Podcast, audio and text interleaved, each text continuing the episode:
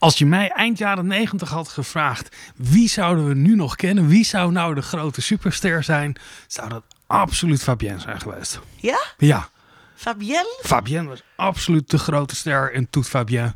En al die anderen die er waren, hadden we toch ook niet verwacht dat we die in andere rollen trouwens zouden terugzien. Mm, nee, daar zat ik ook wel over, over te denken. Maar wie Eh, dacht jij dan toen? Dit, dit wordt de grote ster? Ja, misschien. Misschien dan toch ook wel Fabienne, ja. Dat was toch de grote held. Nou, Ja. beste luisteraar, als je nou gewoon onder de 30 bent, dan heb je echt geen idee waar we Mensen het over hebben de hebben. titel van de aflevering al Oh ja, gezien. Brinkman had je ook nog. Je had ook een Brinkman. Die, hoe heette zij dan? Ook een, eh, een VJ. Eh, ja, ik moet, ik moet Ja. eerlijk zeggen dat eh, het is ook eigenlijk gewoon net een beetje na onze tijd. Ja, ja want het, het was toen ik 1920 was. eh, nee, nee, ja, 19 à 20. eh, Ja. Voor jou waarschijnlijk dus wij ook. hebben, wij ja. hebben nooit bij thuis komt onze rugzak de gang ingeslingerd en, eh, en, en dit aangeswengeld. Dus ik vond eigenlijk al die VJ's. Ik, ik heb het thuis nog even gevraagd. Mijn, eh, mijn partner is wat jonger. En die vertelde dat in haar regio het nog niet werd uitgezonden. En dat je dan thuis eh, op de middelbare school was. Dus, je, dus er ook gewoon niet meer meetelde als je de verkeerde kabelaar had. maar had Dus- dan niet iedereen op school geen, Op een gegeven geen bereik? Nee, maar dat waren dan verschillende gebieden. Als je dan naar de middelbare Oh. school verder opging. Maar je, je lag er wel volledig uit als 16, 17-jarige. Als je TMF niet kon zien. Nou, dat, kan ik, dat kan ik wel begrijpen. voor een stukje jeugdsentiment voor sommigen en misschien wat duiding voor anderen. We gaan luisteren. Deze podcast wordt mede mogelijk gemaakt door Code Clear. Duidelijk over websites en design. Vanuit Amsterdam is dit Onder Media Doctoren, de podcast waarin communicatiewetenschappers zich verwonderen over de media.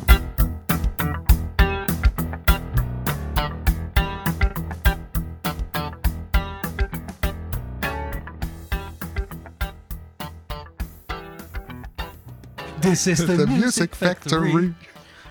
Over TMF wordt vaak een beetje knullig gedaan. Ook ik nu, als ik hier zo om moet lachen. Eh, het, is een beetje, het was een beetje het nooit echt cool genoeg zusje van eh, eh, Grote Broer MTV. Maar eh, TMF beslaat de periode waar we van analoog naar digitaal gingen. De periode waarin we van televisie kijken gingen naar internetgebruik of internet kijken. Eh, de periode, eh, misschien wel het einde van de megasterren en het begin misschien wel van influencers. Ehm, vandaag gaan we ons verwonderen over TMF. Met eh, de geliefde gast Jaap Kooijman. Want Jaap's boek over TMF komt deze maand ongeveer nu eh, uit. Misschien als je dit hoort, is het net uit. Het is in ieder geval 18 januari eh, dat het boek uitkomt. De Muziekfabriek, TMF en de Nederlandse popcultuur bij Walburg Pers. Ehm Jaap, leuk dat je er bent. Ja, Wederom. Jaap, waarom gaat het binnen mediastudies eigenlijk eh, bijna nooit over popmuziek? dat is een hele goede vraag. Ehm, en niet alleen bij eh, mediastudies, ook bij andere disciplines waar eh, wetenschappers zijn die zich met popmuziek bezighouden, is m- popmuziek ook vaak vrij marginaal. Dus dat. eh, Eh, bedoel je de- waar mensen zich met muziek bezighouden? Nee, met popmuziek. Zoals bij muziekwetenschap zijn er mensen die met popmuziek bezig zijn. Bij cultural studies, bij sociologie, eh, bij American Studies wordt vrij veel popmuziek gedaan. Maar eigenlijk is het bij geen enkele discipline het, een soort hoofdthema of een hoofdobject. Ehm, ik denk. Waarom weet ik eigenlijk niet? Want je zou denken, popmuziek is zo'n belangrijk onderdeel in popcultuur. Dus waarom hebben we het niet allemaal over popmuziek? Maar ik denk ook omdat het heel een hele brede categorie is, waar echt alles in valt. Van, van de Beatles tot K3 tot eh, K-pop. Ehm, Ja, maar televisie is ook een heel brede categorie waar van ja, maar televisie is een, een specifiek medium. En popmuziek is natuurlijk niet een specifiek medium. Popmuziek zit op heel veel verschillende media. En eh, wat er gebeurt echt wel wat op eh, popmuziek, ook binnen mediastudies op dit moment. Ehm, ik denk ook dat het te maken heeft met ehm, met de geschiedenis van de studie van popmuziek. Die zit heel dicht tegen de popjournalistiek aan. Dus heel veel popmuziekstudies komt eigenlijk voort uit popjournalistiek. En heel veel ideeën, zoals Simon Reynolds en, en dat soort figuren die best wel belangrijk zijn in discussies over popmuziek, zijn eigenlijk popjournalisten. Dus daar heeft het misschien ook wel mee te maken. En Misschien ook dat muzikologie al bestond er, en er weinig van wil hebben? Weinig van wil nee, dat valt wel. We hebben bijvoorbeeld aan de UvA hebben we jarenlang, ik denk wel een jaar of tien, hebben we samen met muziekwetenschap een eh, hoorcollege reeks gegeven die Pop heette. Ehm, en dat was wel heel was voor mij ook heel erg leerzaam, want ik ben geen muziekwetenschapper. Ik weet er best wel wat van, maar ik, ehm, het is een. Ik probeer ook muziek altijd wel mee te nemen als ik het over popmuziek heb. Ehm, maar daar leerde ik gewoon ontzettend veel van. Want die hebben gewoon een heel ander vocabulaire. En een hele andere manier van kijken en van analyseren. En dan kwam ik vanuit mediastudies... kwam wel heel vaak met de audiovisuele beeldcultuur. Tenminste ik.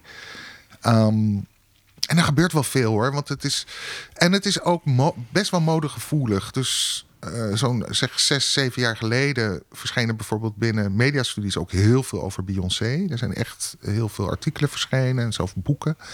eh, samengestelde bundels. Het is nu heel veel Taylor Swift Ja, ik kwam erachter. Een van mijn Amerikaanse studenten die de, deed haar paper over Taylor Swift. En dat mag alleen. eh, ze, mogen, ze moet altijd een Nederlandse angle hebben bij een paper. En zij had alleen maar Nederlandse wetenschappers.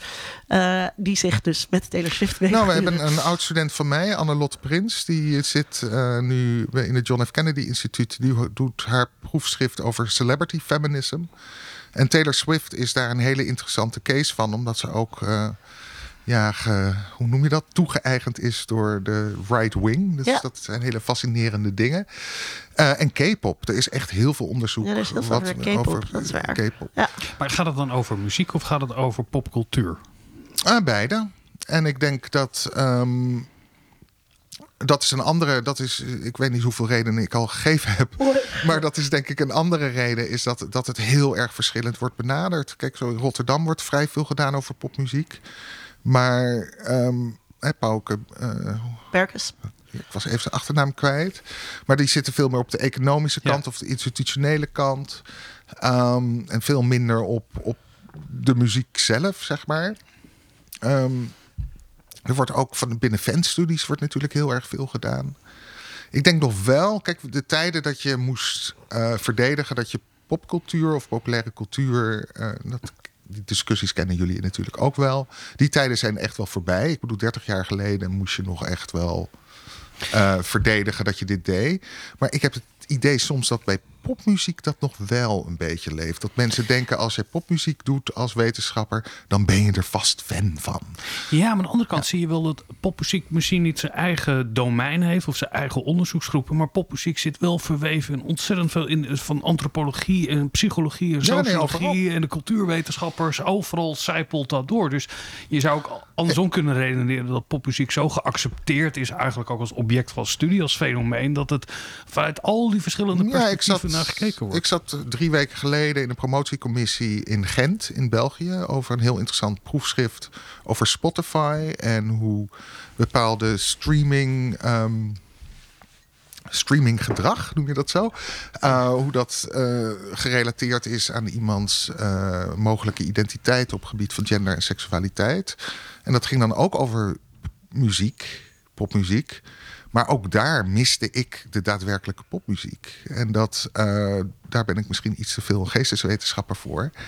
Um, maar ik miste een beetje het object. Uh, uh, het zal, valt te bezien eigenlijk of dit wel überhaupt een aflevering over, over popmuziek wordt. Want we gaan het dus hebben over het fenomeen TMF. Vincent, wat zijn jouw TMF-herinneringen?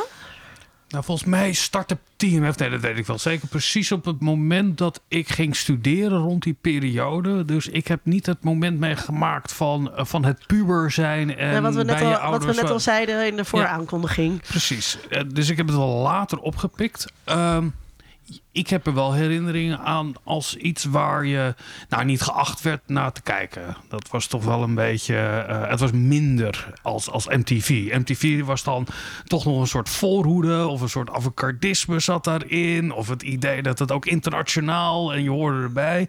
En TMF in mijn herinnering was toch ook een beetje provinciaals, een beetje kneuterig. Een Ja. beetje eh, voor ander soort jonge mensen dan ik. Dan, dan, En dat dan- was in de tijd dat je nog gewoon DDM mocht hebben. Dat kan je nagaan. Ja, ja, waarin, je, waarin je kon zeggen: Ik heb geen tv en ik, eh, en ik luister geen popmuziek. Ehm, ik eh, ga beginnen met een eh, wat lange quote. Als u mij wilt excuseren, luisteraar, van pagina 2. Omdat Jaap daar nogal een grote claim maakt. Ehm, de quote.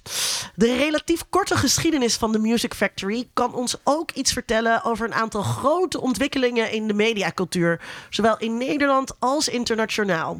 De komst van kabeltelevisie en commerciële zenders, de overgang van analoge naar digitale televisie, de convergentie van oude en nieuwe media, met de komst van internet en de mobiele telefoon, de popularisering en vercommercialisering van subculturen als gabber en hip-hop, de impact van een nationale muziekzender op de eigen popcultuur, de mondiale expansie van mediaconglomeraten als Viacom, Viacom, het moederbedrijf van MTV en later ook van TMF, de programmering van reality TV op muziekzenders en de verplaatsing van muziekvideo's naar digitale mediaplatforms als YouTube en het veranderende kijkgedrag van jongeren, een doelgroep die nauwelijks meer ouderwets lineaire televisie kijkt.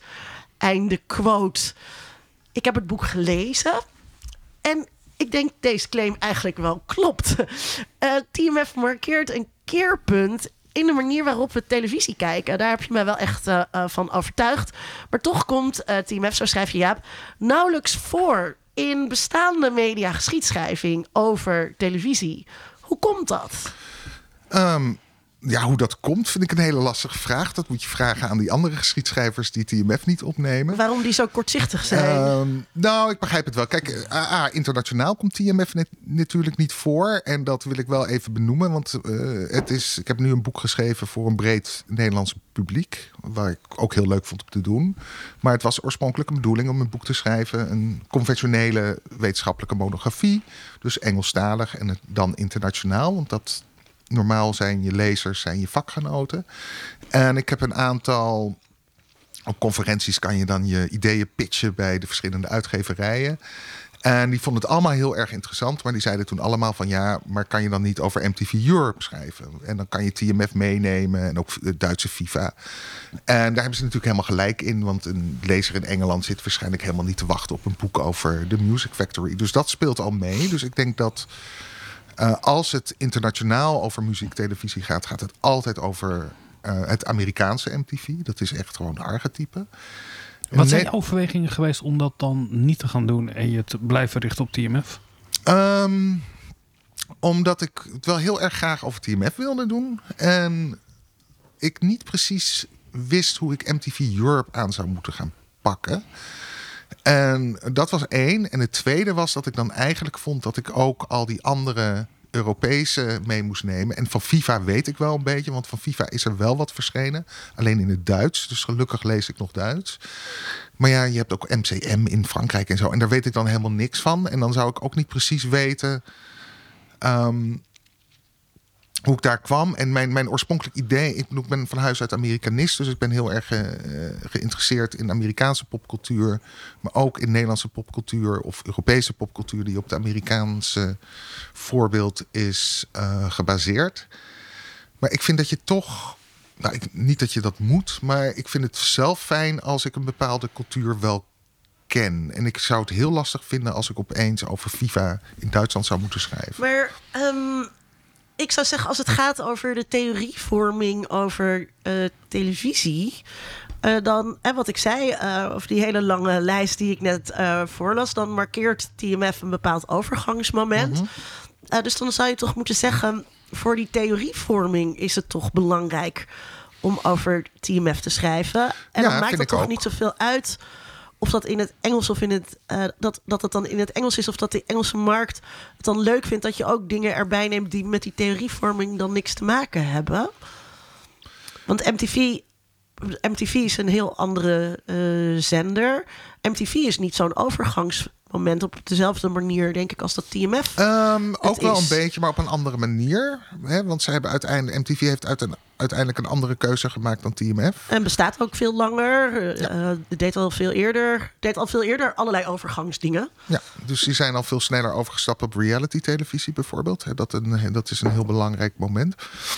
Maar nee, dat, maar dat kan. Maar ik, ik, me- met mijn vorige boek, de Fabricating the Absolute Fake, was hetzelfde. Dat heeft het best wel voor een wetenschappelijk boek best wel goed gedaan. Er is ook een tweede editie van gekomen. Eh, is ook wel een beetje opgepikt in het buitenland. Maar daar merkte ik van de buitenlandse lezers hadden moeite met de twee hoofdstukken die over Nederland gingen. Daar hadden ze gewoon veel minder mee. En dat is ja, heel jammer. Want ik, ik denk van ja, je kan. Maar mediastudies blijft gewoon heel Engels-Amerikaans gericht. Maar mijn vraag ging over Nederlandse media. Ja, sorry, dat is dan de tweede. Kijk, we hebben natuurlijk Ja. net een kroonjaar gehad, 2021. Eh 70 jaar eh, Nederlandse televisie. En er is een boek van Huub Wijfjes uit, de televisie in cultuurgeschiedenis. En Bert van der Veer heeft een soort 70 jaar. Ik ben even de titel kwijt. Volgens mij heet het De geschiedenis van de televisie of zoiets. En in beide. Nou, in het boek van Huub Wijfjes komt, eh, wordt TMF één keer genoemd. Staat geen eens in de index, maar wordt wel genoemd. Ik had eerst gezegd, het komt helemaal niet voor. En toen dacht ik, ik moet toch even goed lezen. Komt wel in voor, maar dan als een voorbeeld van doelgroepzender. Dus van TMF is een van de eerste doelgroepzenders in Nederland. Dus specifiek voor... Nou, daar kan je al een kanttekening bij plaatsen. Want Veronica was ook al voor jongeren. Maar ehm, dat was natuurlijk niet één zender, Nou, maar sterker omroep. nog, el- elke, elke verzuilde omgroep was voor een specifieke doelgroep. Dus, eh, maar dit was echt de doelgroepzender, dus een commerciële tele. Dus dat was het voorbeeld. En Kweekvijver, dat wordt sowieso overal genoemd. Hè? Kweekvijver voor televisietalent. En Bert van der Veer besteedt er iets meer aandacht aan, twee pagina's. Maar dat ehm, gewoon een heel kort overzichtje van de geschiedenis van TMF. Ik wil nog net geen Wikipedia-lemma noemen, maar eh, heel beschrijvend, niet zozeer duidend. En, en wat veel relevanter is, hij stopt bij de overname eh, van, T- eh, van MTV. Door MTV in 2001. En dat zie je eigenlijk in de hele. Als TMF al genoemd wordt in televisiegeschiedenis, dan gaat het alleen maar over die eerste zes jaar. Ja, dat is, dat is iets heel eh, eh, opmerkelijks. Ehm, Maar er is nog een reden natuurlijk. We ja, hebben in want Nederland, hier komen we straks eh, gaan we nog even doorpraten. maar we ja, hebben in Nederland gewoon heel weinig echte eh tele programmageschiedenissen, laat staan zendergeschiedenissen, anders dan de koffietafelboeken van Bert van der Veer of, of de jubileumboeken van Huub Wijfjes. Eh, Ja, en, en er is een van. Dus er wordt eh, eigenlijk gewoon sowieso te weinig ehm, media- of televisiegeschiedenis geschreven, Ik, ik, ik, ik, bedreven. ik, ik, ik nodig elke luisteraar uit om eens een keer te bedenken dat leuke programma wat jij ooit in de jaren tachtig hebt gezien, of je dat kan vinden en of je daar zinnige informatie over kan vinden. Beeld en geluid heeft een soort wiki waar wat informatie op staat. Het is heel mager eigenlijk. Het is goed dat, het, dat er iets is tenminste, maar het is heel maar erg daar heb je helemaal gelijk voor- in, voor eh. Zo'n cultureel, zo belangrijk En fenomeen. waarom doen onze collega's dat dan niet? Ik- Of nou, wij zelf? Ik, nou, ik denk als je onderzoeksaanvragen gaat doen binnen de geesteswetenschappen, waarin je zegt, nou, ik wil gewoon op een hele secure manier beschrijven wat er gebeurde. Eh, ja, dat is niet heel sexy. Hè, dat, dat, dat, dat- ik denk dat. Eh, in tegenstelling tot bijvoorbeeld, we hadden het net over muziekwetenschappen. Die, die hebben natuurlijk, vooral die Duitsers zijn er dol op, weet je wel. Elke scheet die ooit gelaten is, of elke partituur wordt vijf keer beschreven. Zo tot aan wat voor papier eh, erop geschreven is. Die hebben die traditie, die hebben die status. Ik denk ook dat het te maken heeft met, eh, omdat het televisie is. Ik denk dat we hebben enorme, we hebben een theaterinstituut waarin iedereen die ooit op een podium heeft gestaan en iets geroepen, staat daar beschreven. Dat hebben we met televisie niet. Ik denk dat het iets met culturele waarde of de, de alledaagsheid van televisie te maken heeft, dat daar te weinig aandacht voor is. Ja, ik, ik, ik, ik, ik, ik weet het gewoon echt niet. Ik, kijk, je, je merkt wel gewoon dat het Instituut van Beeld en Geluid eh, het wel echt ook wel stimuleert. En ze hebben ook dat eh, Journal The View. Daar heb ik eerder een soort pilot study eh, over TMF in gepubliceerd. Ook alweer zeven jaar geleden. Dat was eigenlijk een soort pilot om te kijken wat er is. Maar dat is Engelstalig en dat is voor, eh, voor eh, vakgenoten weer. Dus dat, dat leest ook niet zoveel. Ehm, er is een heel mooi boek over Veronica, wat ik heel veel gebruik van Arjan Snijders. Eh, maar dat is inderdaad ook meer een naslagwerk. Ik bedoel dat, dat begint gewoon bij het begin. Ja. En gaat gewoon elk jaar letterlijk. Nou, en toen gebeurde er dit en dit en dit. Heerlijk om te lezen. Ja, nee, maar het moet er zijn. Ehm, maar echt eh, goede boeken over televisie. ehm, die zijn er zou, eh, ja, We, we, we, hebben nu, we hebben nu dit boek. Ehm, je zei eh, net al dat het is eigenlijk altijd... eh, als er dan iets over TMF geschreven wordt, ook in de journalistiek... dat het eh, vooral over die eerste eh, zes jaar eh, gaat. Het einde van TMF wordt dan gezien als ehm, eh, het moment dat eh, MTV het overneemt. Maar je zegt dat het klopt helemaal niet. Nee, en het is. ehm, het, het irriteert me ook zelfs een beetje. Ehm, ik heb dit boek niet geschreven om mythes te ontmaskeren of zo. Maar als er een mythe ontmaskerd is, dan is dat deze wel. Kijk, dit is heel erg. ehm, door Lex Harding ook naar voren gebracht. Die heeft ehm, meerdere keren gezegd eh, bij. Want elk vijf jaar verschijnt er gewoon. eh, 95 is TMF begonnen. Eh, dus om elk vijf jaar verschijnt er wel weer een artikel in de NRC of Algemeen Dagblad over eh, TMF. En regelmatig zegt Lex Harding. Ja, eh, MTV heeft TMF overgenomen omdat het een te grote concurrent was. Hè. Dus een, een, dat klopt. Hè. Het was ook een, uit, een competitieve verdedigingsstrategie. Ehm, maar niet om het te ontmantelen. En, want ze hebben ontzettend, eh, en daar komen we straks misschien wel op terug, maar ze hebben heel erg veel geïnvesteerd. Ehm, eh, MTV Networks Ben- Benelux heeft heel erg geïnvesteerd in TMF. En heeft het sowieso nog tien jaar op de kabel uitgehouden. Dus dat is langer dan eh, Lex Harding daar ooit bij betrokken was.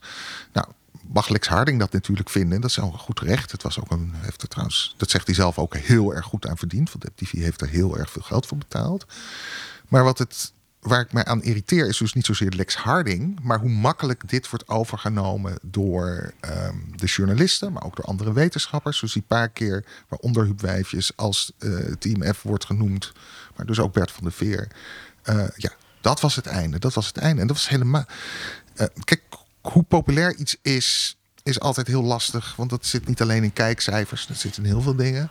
Maar ehm, tussen 2000 en 2005 was Team F net zo populair als die vijf jaar daarvoor. Maar dit is gewoon zeggen, het einde van de Tweede Wereldoorlog was in 1944.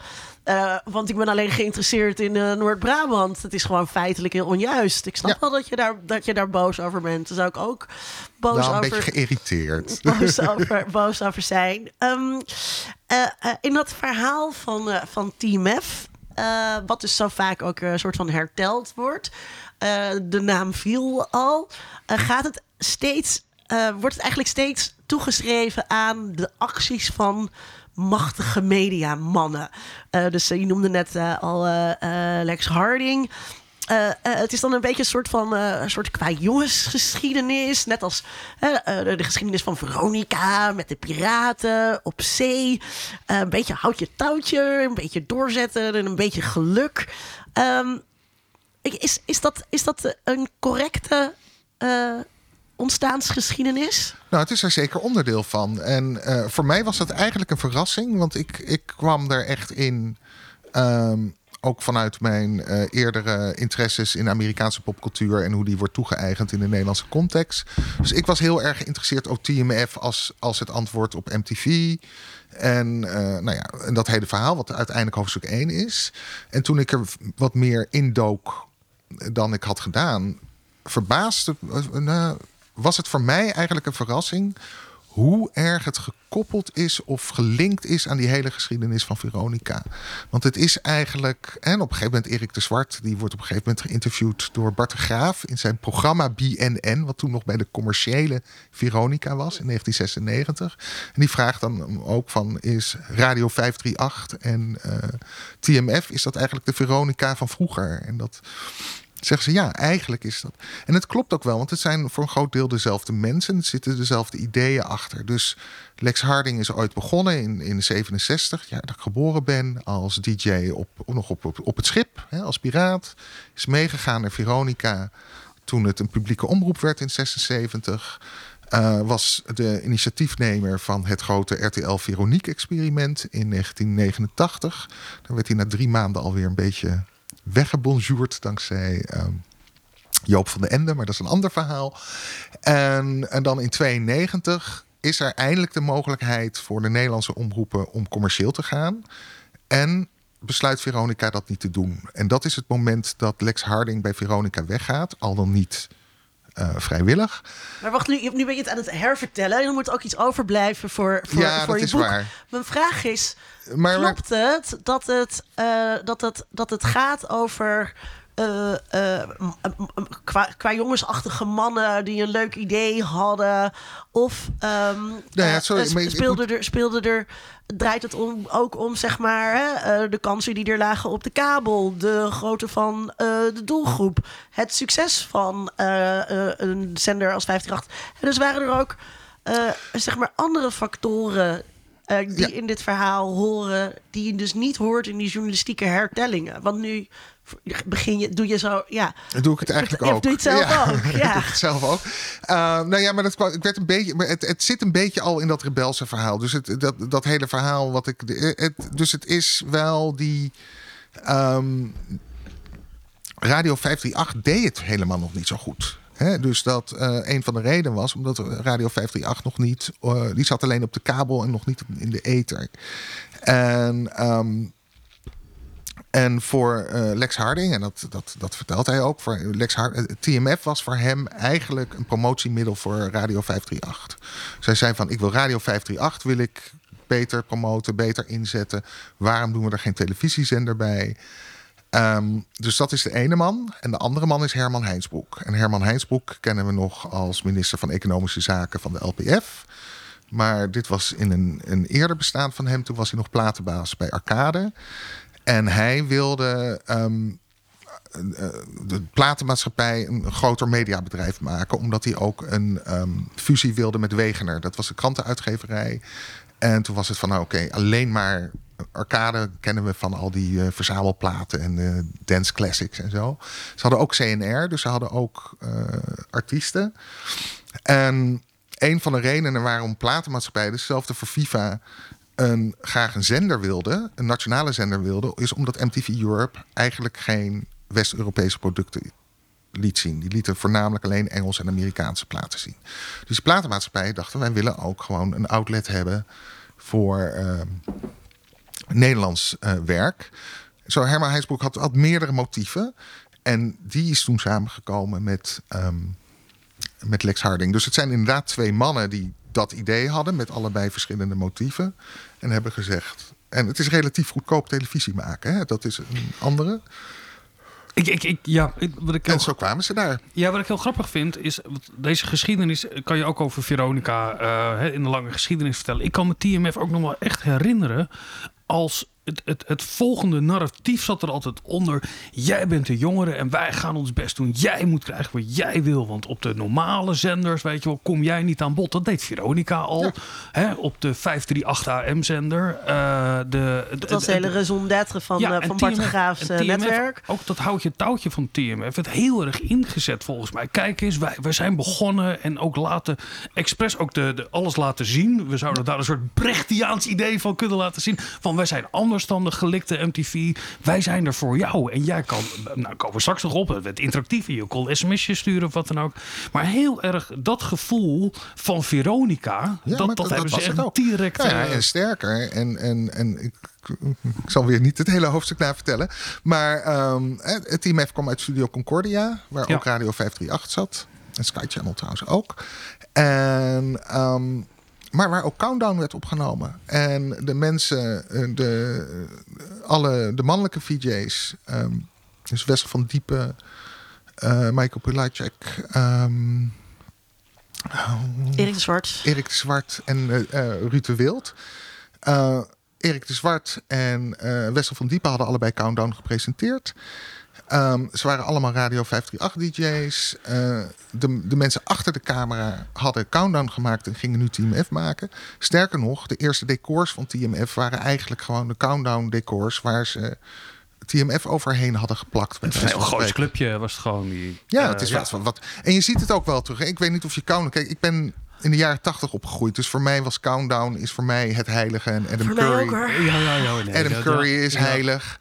En je had altijd die filmpjes met die. Uh, hè, die, die, die instarts van dat programma. Kijk, dat is gewoon dezelfde. Team F is precies hetzelfde. Maar Ja, is, het ja. niet, is het niet ook... ehm, hè, dus we kregen... eh, eh, of eindelijk mocht er commerciële televisie eh, gemaakt worden. Ehm, eh, dat kon eh, goedkoop. Die studio ehm, was er. De ruimte was er blijkbaar. De decors waren er nog. Ehm, eh, dus de, de mankracht eh, was er ook. Die lag al goed eh, bij het publiek. Ik herinner me dat volgens mij voordat Team F van start ging... dat er bij RTL geëxperimenteerd werd met ehm, Talk TV... Ehm, ehm, met Mike Starink eh, eh, de nachtprogrammering vullen. Er was ook gewoon veel ruimte om te vullen. Christine van der Horst. Christine Ja, van der Horst. vergeten. En Eh, Cindy eh, dat dat maar die is ook- later, denk ik. Dat dat ook allemaal. Eh, dat zijn dus verhalen die. Dat zijn, dat zijn factoren die ik mis in dat qua jongensverhaal. Als Lex Harding er niet was geweest, was iemand anders dit dan niet ook gewoon gaan doen. Ja, dat weet je nooit. Ehm, eh, ik, ik, waarschijnlijk wel. Maar ja, aan de andere kant weet je wat ik ook, ook niet wist, wat ik heel interessant vond.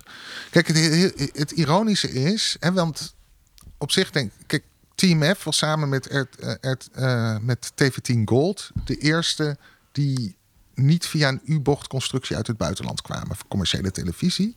En op dat moment hadden we eigenlijk alleen nog maar RTL 4 en RTL, RTL 5. Dus SBS 6 en het commerciële Veronica, die zijn twee maanden na Team F begonnen. En daarom strijden ze, ze wilden ook allemaal op 6.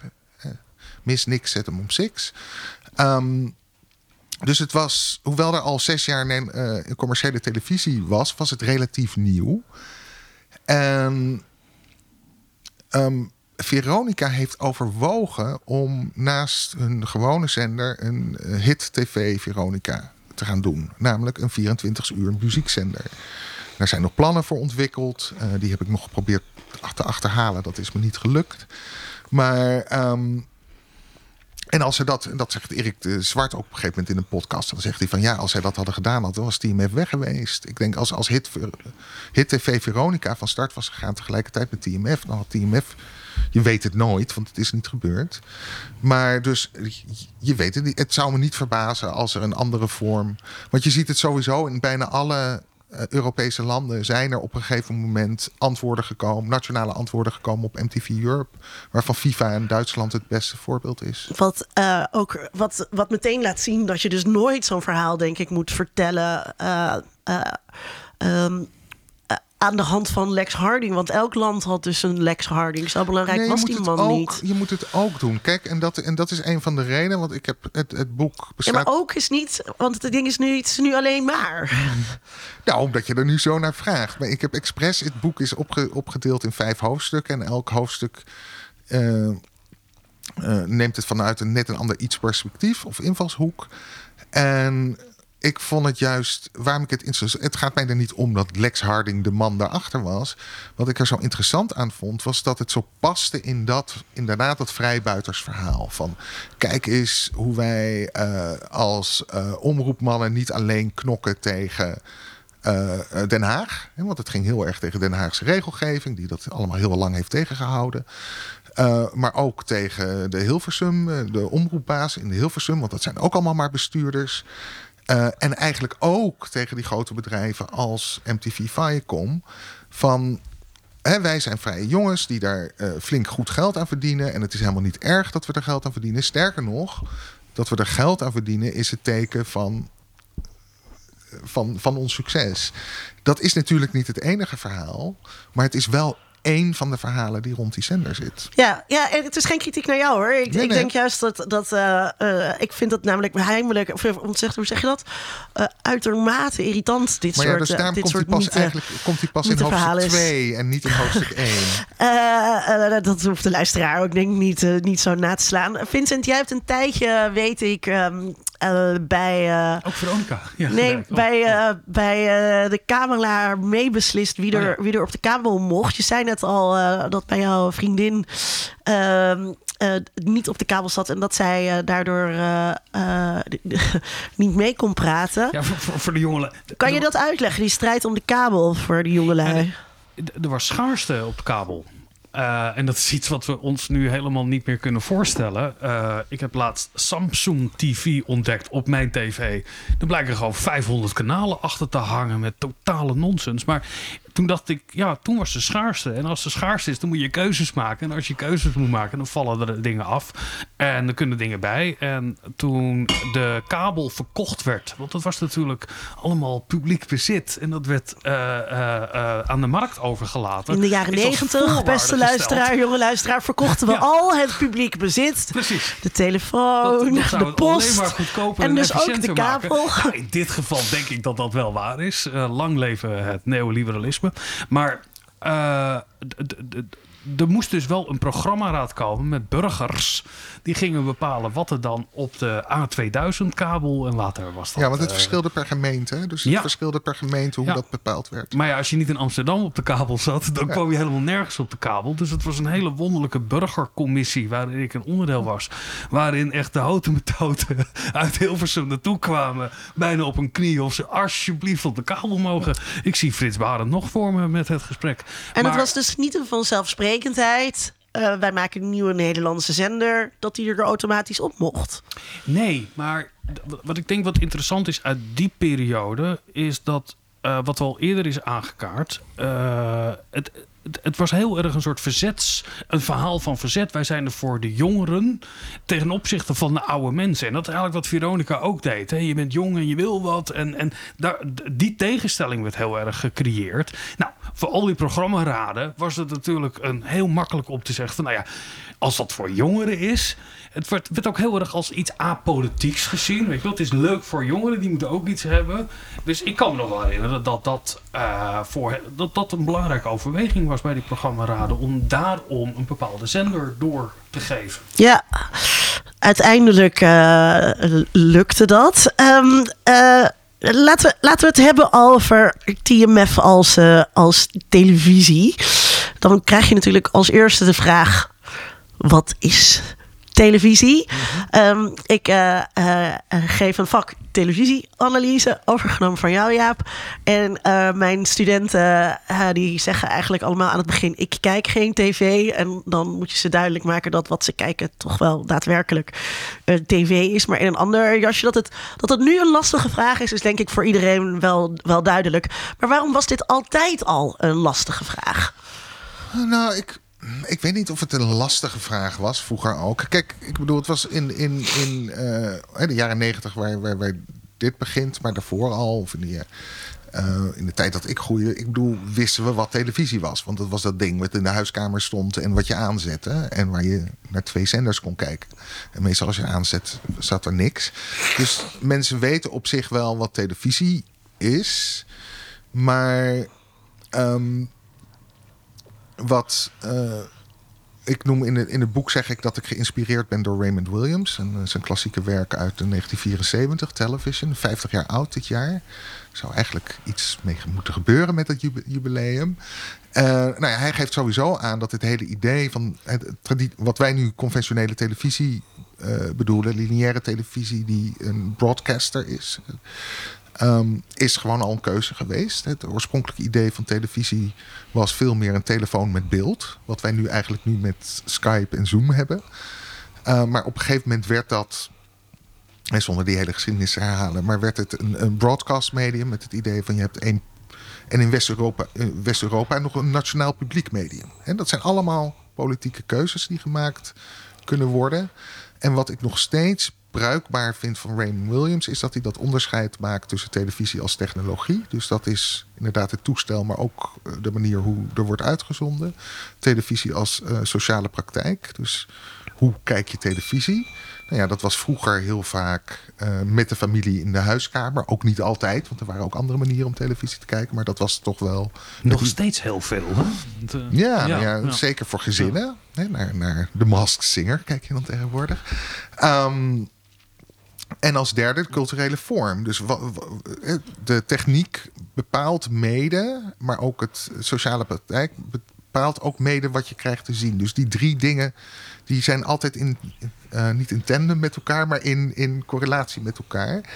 En, en dat vind ik heel erg bruikbaar, ook om nu tegenwoordig uit te leggen, bijvoorbeeld dat YouTube ook televisie is.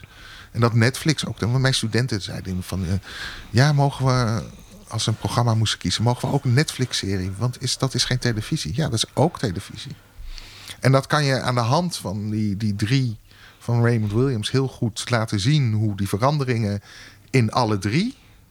En, en soms is het geen duidelijk wat nou de oorzaak is en wat gevolg. Ik bedoel, het, het, het soms... eh, hoewel de technologische vooruitgang toch wel een hele belangrijke rol speelt.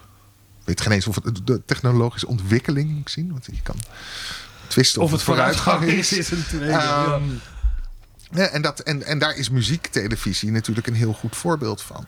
Ehm, als, we dan, als we het dan hebben over muziek, eh, eh, televisie, eh, MTV, eh, die begon eh, eh, daarmee.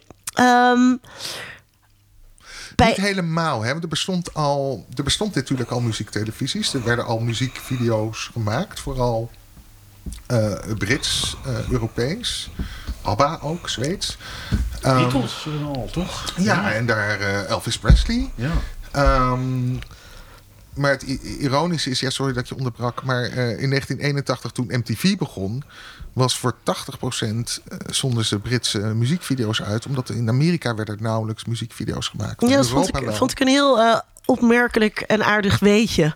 Eh, dat we muziekvideo's toch met Amerika associëren, maar dat het er niet was. Waarom, waarom, waren, waarom wel de UK en niet de US? Ehm, omdat het in de US niet mogelijk was. In de US, zijn er eigenlijk twee redenen. A is dat radio toen en nog steeds eigenlijk veel belangrijker was in de promotie van eh, popmuziek dan televisie. Maar het tweede was dat zij hun top-op, zeg maar, American Bandstand, werd in het hele land uitgezonden. Dus dan ging je één keer optreden. Ja. Terwijl als je Europees, als je een artiest in, in Europa was, moest je naar al die verschillende landjes om in al die verschillende landen bij, bij top-op te gaan. eh, Bij de lokale toproep, ja. En dus het is veel handiger om dan te zeggen: we maken een filmpje. Ja. En dan, dat wordt dan vertoond. Dus daar komt, nou, daar komt het niet vandaan. Maar daardoor eh, is er zijn er heel veel muziekvideo's in de jaren zeventig gemaakt in Europa. Ja, dat vond ik heel aardig eh, om te weten. Ehm, wat je bij MTV dan ziet, is dat het onderscheid tussen eh, eh, de, de eigen. Of de, de content, zeg maar, waar het allemaal om zou moeten draaien. en de reclames die daarvoor betalen, dat dat heel erg vervaagt. Waarom, is dat, waarom is dat relevant? Ehm, nou, het is sowieso relevant. Eh, wat ik er zo. Kijk, het, geldt. Alle, allereerst, muziektelevisie in het algemeen is commerciële televisie. Hè? Dus we hebben het. Als we het hebben over MTV, is commerciële televisie. ehm, heel erg gekoppeld aan de introductie van kabel in Amerika, waardoor er veel meer ruimte kwam. Ook daar was, eh, was het wel enigszins beperkt, maar er was ehm, veel meer ruimte op de kabel dat opgevuld kon worden. En het doel van MTV is nooit geweest: we gaan muziekvideo's verspreiden. Nee, we gaan een speci- specifiek groep kijkers aanspreken die interessant zijn voor adverteerders die nu niet worden aangesproken.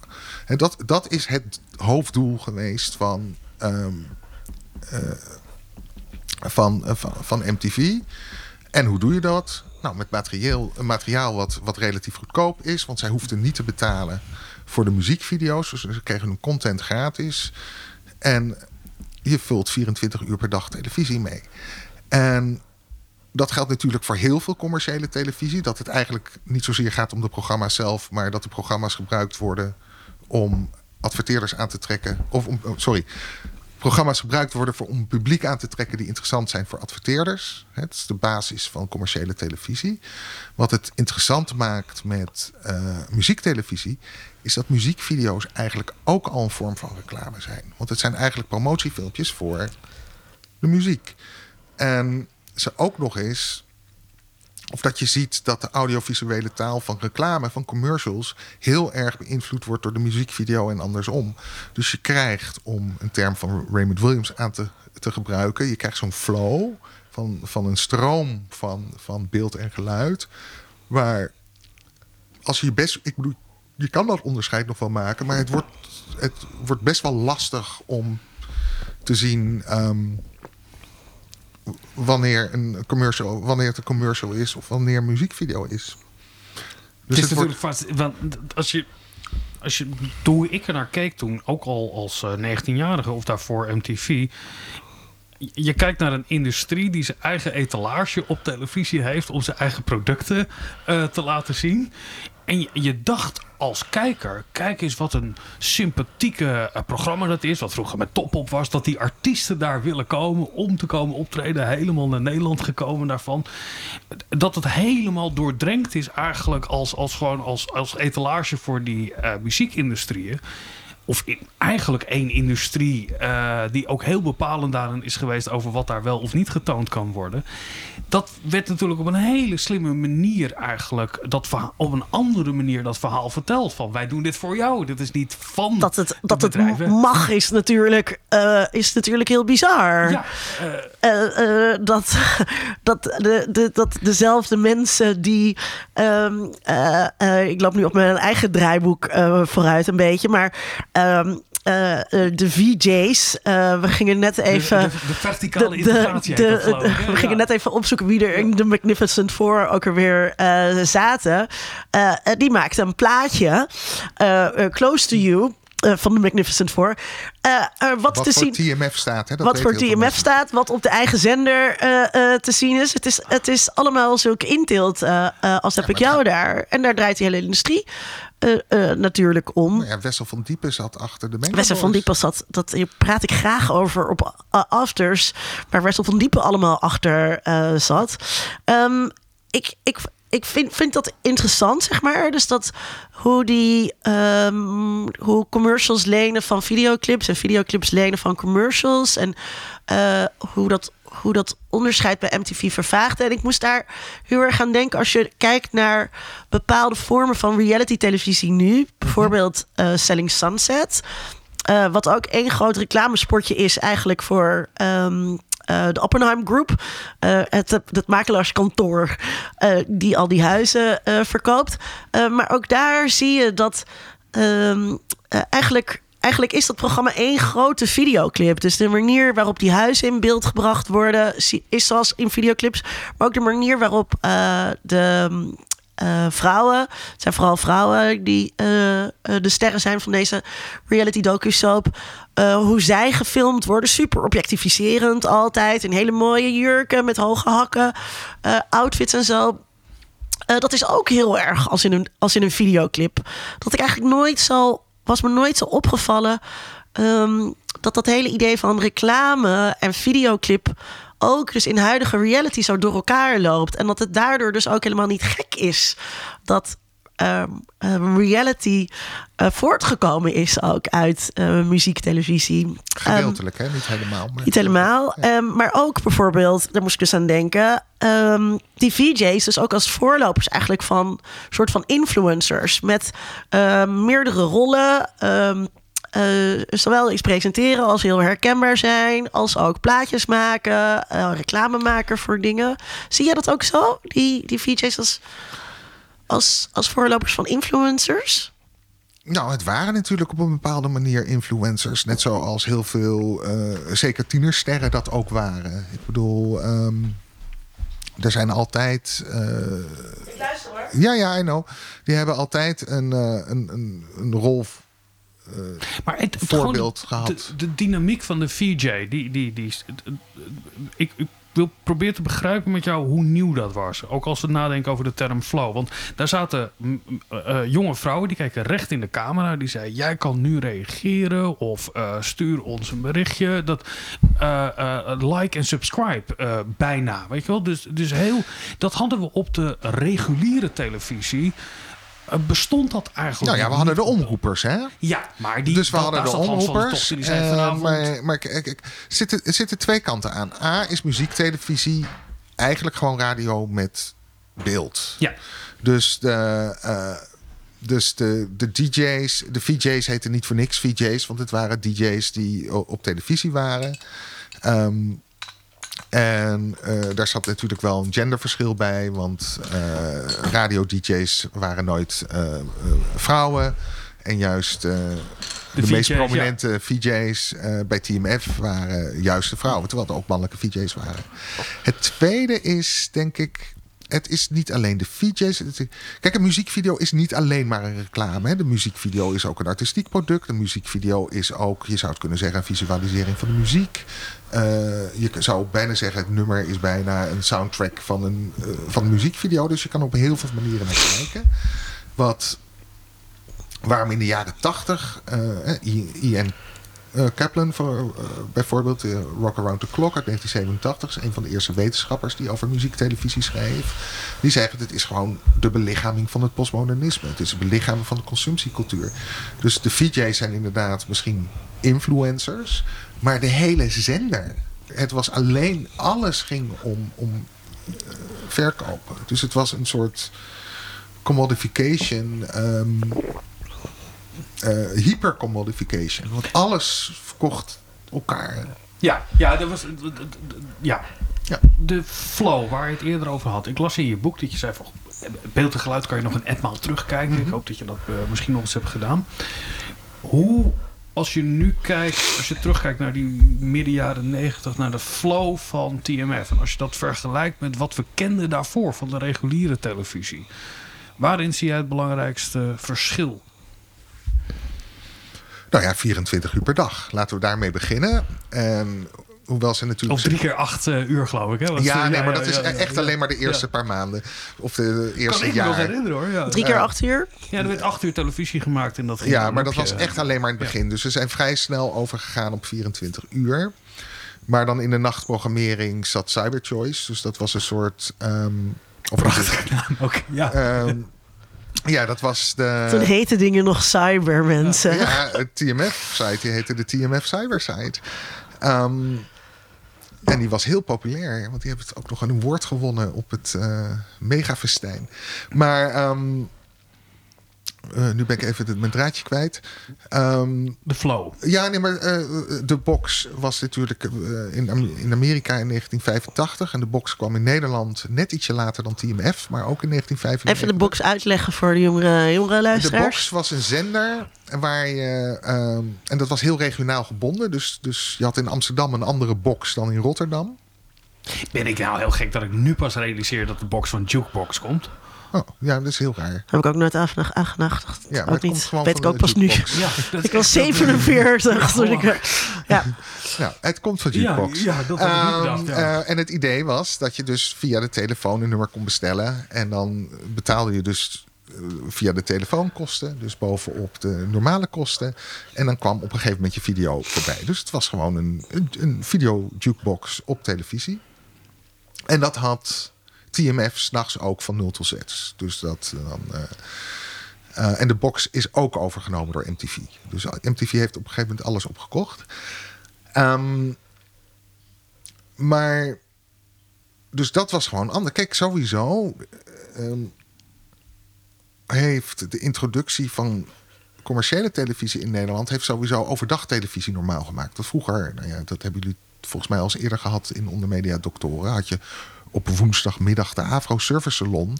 Maar dat was het woensdagmiddag slecht voorbeeld, want had je kindertelevisie. Ja, maar volgens mij ook Afro Service Salon. Maar dat weet ik niet meer. Maar je had in ieder geval... ehm, in ieder geval toen ik klein was... begon de televisie om eh, zes uur met Tita Tovenaar. En dan op beide zenders. Zodat... eh, En dan tien minuten eerst naar de klok staren. Maar Ja. nu worden we heel maar eh, nee, en ik kan me nog herinneren dat... volgens mij was het in 1978. Toen hadden ze de dag van de Amerikaanse televisie. En toen heeft de VARA één dag... commercials door de programma's heen uitgezonden. Oh, echt waar? Dus, ehm, maar die flow was dus al veranderd. Dankzij ehm, eh, eh, RTL 4. Hè, die dus elk, elke dag op hetzelfde moment hetzelfde programma uitzond. Ehm, ik denk dat Team F... Dus die flow... Die commerciële televisie, Amerika, Amerikaans gebaseerde televisieflow... was er al in Nederland al. En hij is lang niet zo postmodern en eclectisch als het lijkt. Hè? Want ook, ook, eh, ook MTV eh, in Amerika niet. Want die hebben ook per uur een specifiek genre of een spe- specifiek programma. En ehm, de flow van, ja, het loopt gewoon door. Dat, was, dat is wat, wat TMF introduceerde. Nou, uh, gaat jouw boek niet over uh, kijkpraktijken? Uh, terwijl ik dat natuurlijk altijd heel interessant vind. Ik heb even gisteren op mijn Instagram een oproepje gedaan van wat, hoe, keken, hoe keken jullie naar MTV? En daar kwamen heel, of het Team kwamen heel veel reacties op. Um, echt heel erg veel. Um, de nieuwste muziekclips kijken tijdens het ontbijt. Ik was 13 als je naar Team F keek, als je naar Team F keek dan, uh, dan hoorde je erbij. Althans, dat dacht ik uh, altijd. Heel erg veel. S ochtends voor school, smiddags toet Fabienne, toet Fabienne, toet Fabienne. Heel erg veel keek ik met vrienden om de tijd te doden. Um, eigenlijk keek ik meer MTV. Iemand probeert heel cool te doen. Uh, maar je kon ook echt niet om TMF heen. Op de achtergrond. Um, in het weekend lekker Mental Theo uh, en dronken mensen uh, bekijken. Um, nog meer Toet Fabienne. na school. heel, er, spreekt heel duidelijk um, een soort eensgezind kijkpatroon uit. Uh, dit verbaasde mij ook helemaal niet. Want uh, uh, dit, dit wordt ook de hele tijd herhaald in al die retro dingen die er over TMF um, komen. Um, dan, als het dan dus over flow gaat, het, is, het was dus heel erg achtergrondtelevisie. Dat is wat, wat mensen uh, zeggen. Uh, het stond aan. Um, en heel erg dat idee. Uh, je, rugzak in de, je rugzak in een hoek gooien. En, uh, en deze fijne VJ's uh, uh, erbij hebben. Dat is toch echt wel een nieuw soort flow. wat er dus niet voorheen was op de Nederlandse televisie. Oh, op die manier. Ja, ja, ja. Het bottom flow, denk ik, die heel erg aansluit bij dat tienerbestaan. Want daarom is iedereen daar ook zo enthousiast over. Maar dat was er dus niet. Dit was wel echt nieuw. Nee, dat was zeker nieuw. Ja. Ik vind het wel grappig dat mensen zeggen na school. Want dat was natuurlijk als je uh, bij je ouders woonde. En er was één televisie. Dan was er één moment op de dag. Namelijk, jij kwam uit school. Je ouders waren misschien nog op je werk. Tot het eten. Daar zat een soort onbewaakt uh, moment in. Een liminaal, een liminaal moment van de dag. Ja, waarin jij jongere kon zijn. Of zelf over het apparaat kon beschikken. Want je had niet uh, zeven. Waarin dat. Ja. Nou dat, dat uh, wachten tot je leuke clipjes voorbij uh, komen. Is dit, voor, is dit een voorloper van YouTube? Of juist helemaal niet? Oeh, dat is een hele interessante vraag. Um... Of hoe, ik bedoel, hoe er hier nou ja, ja, naar gekeken werd. Als culturele vorm. Ja. Nou ja, de grap is, als jij nu. Nou, over YouTube.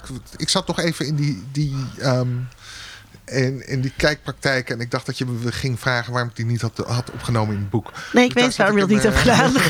dus dat zat een beetje in mijn hoofd. Die ruzie hoeven we niet nee, nog een keer te voeren. ruzie, maar... Um, nou ja, het is... Wat mensen vergeten bij YouTube is... Of vergeten, wat, waar vaak niet bij stilgestaan wordt... dat is de meest bekeken filmpjes of video's op YouTube zijn muziekvideo's. iedereen zegt muziekvideo is dood. Wordt heel erg veel bekeken. Het is nu wel Baby Shark, is geloof ik nu de meest uh, populaire. Um, en op zich, als jij um, YouTube op um, automatic play zet, kan je ook zo een flow creëren. Of wordt er een flow voor je gecreëerd ja. die, die werkt als, als de uh, muziek, televisie, behang. Ik vind het altijd een beetje gevaarlijk om. Hè, want ik... Nee, dat ben ik niet met je. ik, wat, oh. Nou ja, juist de.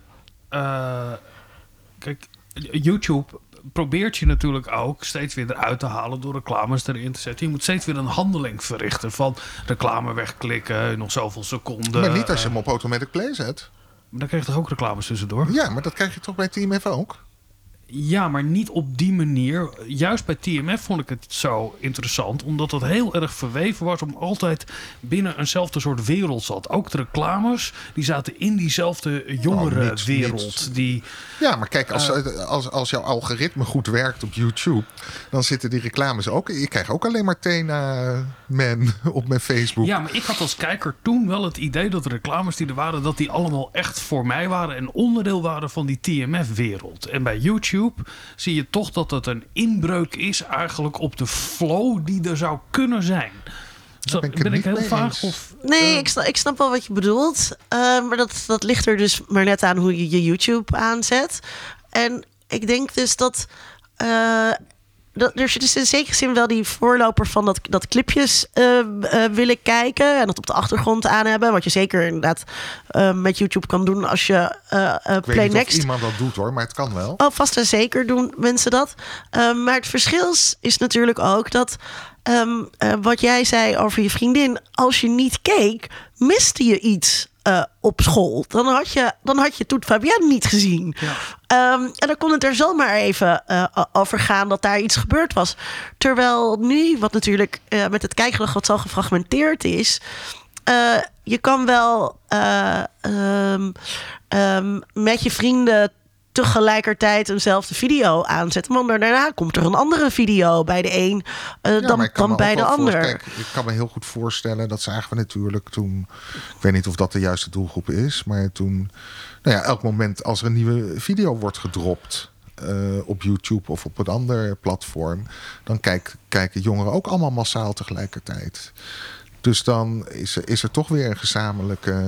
ehm, Ja, en er is natuurlijk ook die notie van viraal gaan, wat je wel absoluut gezien moet hebben en, en daarover mee moet kunnen praten. Ja. Ehm, het is niet Wil je daar helemaal nog iets over zeggen, hoor, Vincent? Ja, denk je dat bij TMF dat eh, het idee van liveness, wat er zeker overdag was, hè, het was live. Ook als je naar een videoclip Ja, het was keek- niet allemaal live hoor. Nee, maar de, Toet Fabienne was live, maar dus een aantal van de latere middagprogramma's, zoals Play bijvoorbeeld, die, wa- die waren eerder opgenomen. Maar dat maakt op zich niet zoveel uit. Ja, maar het wekte wel de suggestie van we gaan nu naar deze clip kijken en dan komen we straks weer terug. Weet je wel, je zat daar veel meer in. Tenminste, dat, dat is een andere manier van aangesproken worden als kijker. Dat idee van liveness. Om meegenomen te worden in dat half uur of dat uur. Dan dat je het op YouTube die ene videoclip kijkt omdat Taylor Swift iets uit heeft gebracht. Ja, ja, moet het gezien hebben. Nou ja, en, en het wachten. Kijk, kijk, het grote voordeel van YouTube is, en wat ook, en het is niet alleen YouTube, maar wat, de- wat het echte einde is van eh muziektelevisie, en niet dat Team F overgenomen is door MTV, is dat waarom zou jij nog voor de televisie gaan zitten en wachten tot jouw video langskomt? Als jij Ja. hem gewoon eh, op, op elk moment op een elk medium kan bekijken. duurde ook altijd lang. Ja, en soms kan en hetzelfde geldt voor later. eh, eh, toen, toen de sms-mogelijkheid eh wa- waren niet merendeel van, eh, nou merendeel weet ik niet, maar heel veel sms'jes kwamen nooit op het scherm. Maar mensen zaten gewoon te wachten tot hun sms Ja. er langskwam. Dat was, dat was wel echt een ding. Ja. Eh, je had het over eh, die sms'jes eh, eh, ook. Hè? Dus eh, het Team F werd veel meer dan alleen maar Toet Fabienne eh, en eh, de dag top 5. Je hebt het over multiplatformen synergetica. Eh, de muziekzender, maar ook de teletextpagina's, de website die eh, eh, erbij hoort, eh, de chatboxen, de sms-service, 0900 telefoonnummers. ehm, eh, de eh, schoolagenda's. de schoolagenda's, eh, de merchandise. Ehm dat, dus het TMF, ehm, dat hele idee van TMF als platform, dat is natuurlijk super vooruitlopend. Eh, en ik hoor dat verhaal hoor ik dus heel weinig. Terwijl ik denk dat ik dat misschien wel het meest interessante eh, eh, in je boek vind. Daar begon ik ook met die lange, met die lange quote. Ehm, dat zoveel elementen van wat platformen nu willen zijn, dat TMF dat toen ook wilde zijn. Nou ja, de grap is, ze wilden het helemaal niet zijn, maar ze waren het. Ja, Eh, want ehm, want Lex Harding had dit allemaal niet kunnen bedenken met zijn oude mannenhoofd. Ja, Lex Harding was toen al weg. Dus die, dat, eh, zonder nu de hele geschiedenis te, eh, te, te hervertellen. Maar in, twee, in 2001 neemt MTV het over. En in 2002, op Koninginnedag, hè, dat doen ze heel groot op het, op het Museumplein, gaat een nieuwe zenderindeling in. En dan maken ze een, een tweedeling. En dan MTV. Eh, inmiddels is er een MTV NL. Dus MTV Eu- Europe is begonnen als één zender. Dat waren er uiteindelijk 25. Elk land kreeg zijn eigen MTV. Wij hadden MTV NL. En eh, dus MTV NL wordt zeg eigenlijk maar alle... De meeste van de mensen van TMF, waaronder Johnny de Mol met zijn 100% Johnny, die gingen allemaal naar MTV. En, dan T en dat werd een soort lifestyle programma. Ook nog met muziekvideo, maar ook met reality televisie. En, en eh, TMF werd de clipzender. En alleen Jeroen Post bleef nog achter en René Vervoorn en Mental Theo nog voor een tijdje. Maar ehm, dat het idee was, we hebben de lifestyle zender en we hebben de clipzender. En die clipzender wordt helemaal interactief.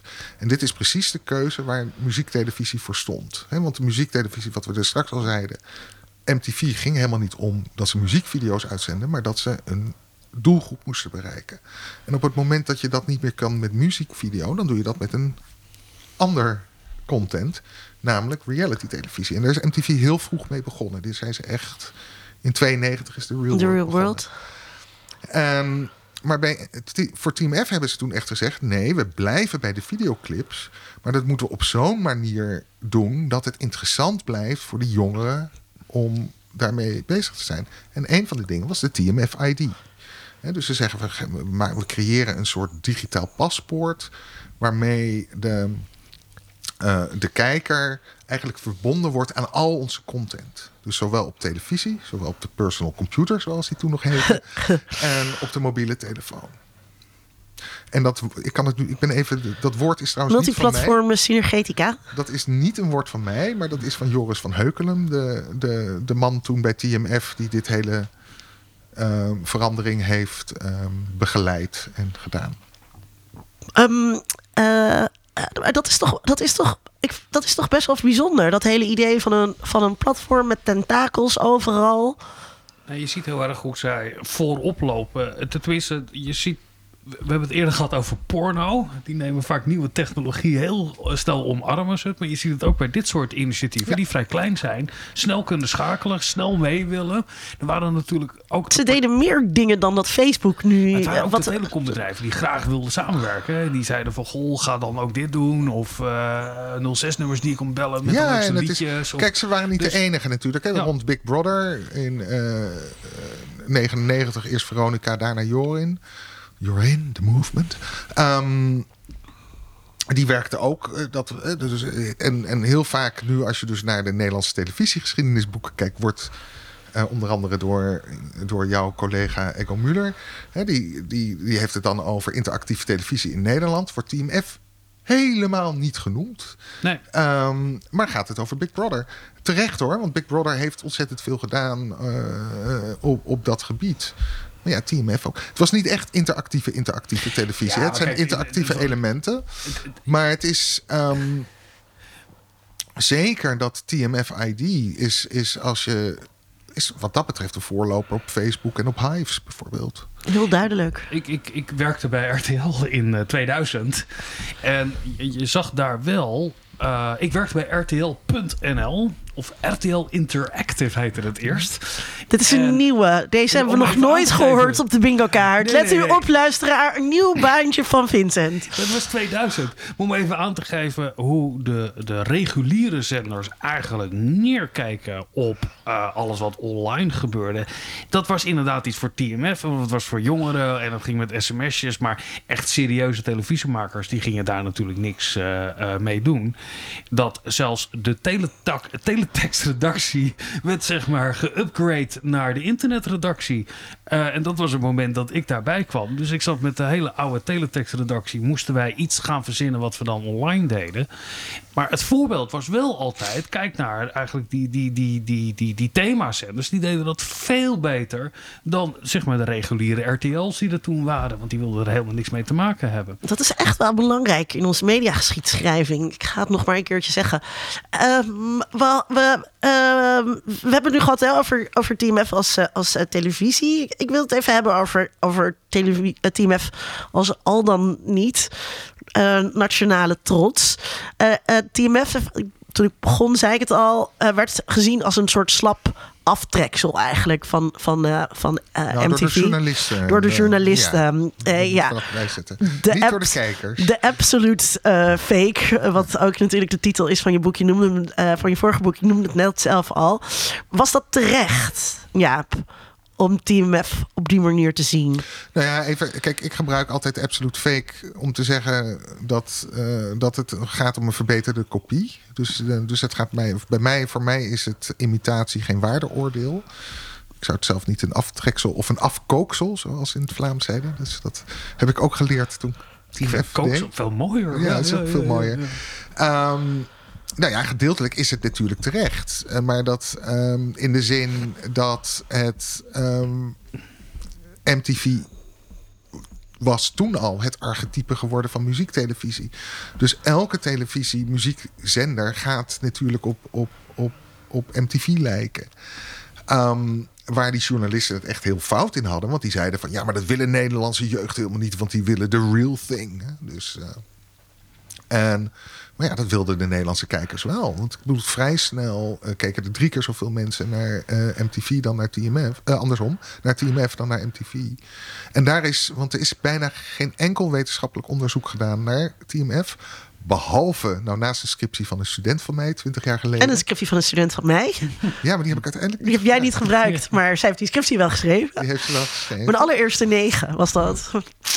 Maar... Um, Um, je zei er is ontzettend weinig onderzoek, behalve... Een, het, het beruchte onderzoek uh, uit Nijmegen, uh, toen nog katholieke Universiteit Nijmegen, van een groep communicatiewetenschappers. En die hebben onderzocht waarom Nederlandse jeugd liever naar TMF keek dan naar MTV. En dat is wel heel grappig dat ze dat um, um, onderzochten. En hun conclusie is, waar ik wel wat kanttekeningen bij heb. Um, maar hun, hun conclusie was dat de zender TMF veel beter aansloot bij de subculturele beleving van, van Nederlandse jongeren. Dus ze hadden veel meer aandacht voor gabber uh, en voor hip-hop. Denk aan programma's als Hakken en de Pitch. De Pitch uh, met de Clays. En, uh, Lezen heb ik ook nog weer teruggekeken toen ik je boek aan het lezen was. Ik zat allemaal clips sowieso te kijken. Uh, ja, ik van uh, maar Glaze, be, be All You Can Be, super lekker nummer is dat. Ik zal het linken in de show notes. geluisterd door jouw boek. Dat, dat is toch nee, maar, maar en, en, de grap is, maar wat zij dus helemaal weglieten in dat, in, in dat onderzoek... En ook in de vragen, want die staan er wel, ze noemen het één keer, is het verschil in taal. Dus ik, ik, kan, me, ik kan me niet voor. Ik, ik, ik geloof meteen dat die, uh, dat die subculturele, hè, de alternatives en de skaters, die keken naar MTV en de gabbers en de hiphoppers naar, uh, sorry, keek uh, ja, naar TMF. Um, ik haal ze zelf soms door de, elkaar, TMF en MTV. Maar taal heeft natuurlijk echt een belangrijke rol gespeeld. De. En, en dat komt dus niet. En toen dacht ik nog even van... oh, misschien hebben ze dat onderzoek in de tijd gedaan... dat MTV NL begon. Hè? Want MTV is op een gegeven moment ook Nederlands geworden. Maar ze hebben het onderzoek in gedaan... toen het nog Engelstalig was. En, maar dat is... Dus ja, is, het heeft, heeft TMF elementen van MTV. Kan je het zien als een imitatie van. Of geïnspireerd op. Vanzelfsprekend, duidelijk. Um, maar TMF was uiteindelijk voor de Nederlandse jongeren veel aantrekkelijker dan MTV. Een verbeterde kopie. Een verbeterde kopie. Ja, wat ik. Wat ik ja, wil je daar wat idee, ja, ik, ik, las dat stukje uh, bij jou ook over de Nederlandse taal als argument mm -hmm. daarvoor. In mijn herinnering, en misschien zie ik dat fout, was er ook een soort viering van Nederlanderschap binnen TMF. Dus het was meer dan alleen de taal, maar het was ook wel wij zijn wij zijn hier in Nederland. Daar, uh, kom, is... daar kom ik straks uh, op als je het goed vindt. Ja, maar. Ik wil eerst, ik wil ja, eerst nog even blijven. Ja, ja, nee, hij komt, hij komt zo hoor. Um, ik wil eerst nog even blijven bij dit. Want um, wat ik opmerkelijk vond. Wat jij schrijft, Jaap. Dat er een soort tegenstelling zit in hoe de Nederlandse journalistiek hierover schrijft. Dus aan de ene kant wordt MTV. Uh, of werd MTV door journalisten heel erg gezien als een teken van, uh, van absolute oppervlakkigheid. Maar als er dan vergelijkingen uh, met TMF werden gemaakt. Dan was in één keer MTV het summum van artisticiteit en ja, van coolheid. Ik noem het een curieuze omdraaiing. Ja. En dat is een curieuze omdraaiing waar ik het in, in ja, niet de hele tijd over mijn vorige boek uh, van tien jaar geleden wil hebben. Maar dat was ook al een onderwerp in, in de in, in mijn boek um, over de Absolute Fake. Dat is altijd de houding geweest richting Amerikaanse popcultuur. He, dus Amerikaans is vlak, is, is plat, oppervlakkig, snel. Uh, um, maar ja, als we dan in Nederland ook popcultuur gaan maken, dan wordt, wordt opeens Amerikaanse popcultuur de enige echte. Ja, dat is toch heel bijzonder. Nou ja, je ziet, het is een bekend fenomeen. Als iets maar lang genoeg bestaat, dan krijgt het opeens een waarde. Hè? Mensen die nu CD's verzamelen, las ik laatst, die dat weer opnieuw gaan kopen. Maar er zat wel natuurlijk, MTV pro, propageerde ook wel een soort artistiek, cultureel fenomeen te zijn. Wat iets meer neigde naar de avant-garde. Iets meer in- de tussenfilmpjes door, door eh, bekende illustratoren en animatoren in te huren. eh, Door, die, die hadden veel Ja, ja, iets kijk, meer... kijk eh, het, en het werd ook dat, dat onderscheid. hè, want we, hadden het er straks even over, over de plekken op de kabel. Ehm, en toen die zo beperkt was, moest, eh, moest on- letterlijk met MTV in de strijd te gaan. Omdat in de meeste gemeentes maar voor één muziekkanaal ja, plek was. En, en, daar, en daar kwamen die verschillen heel erg naar boven. Die hebben ze ook aan beide kanten gecultiveerd.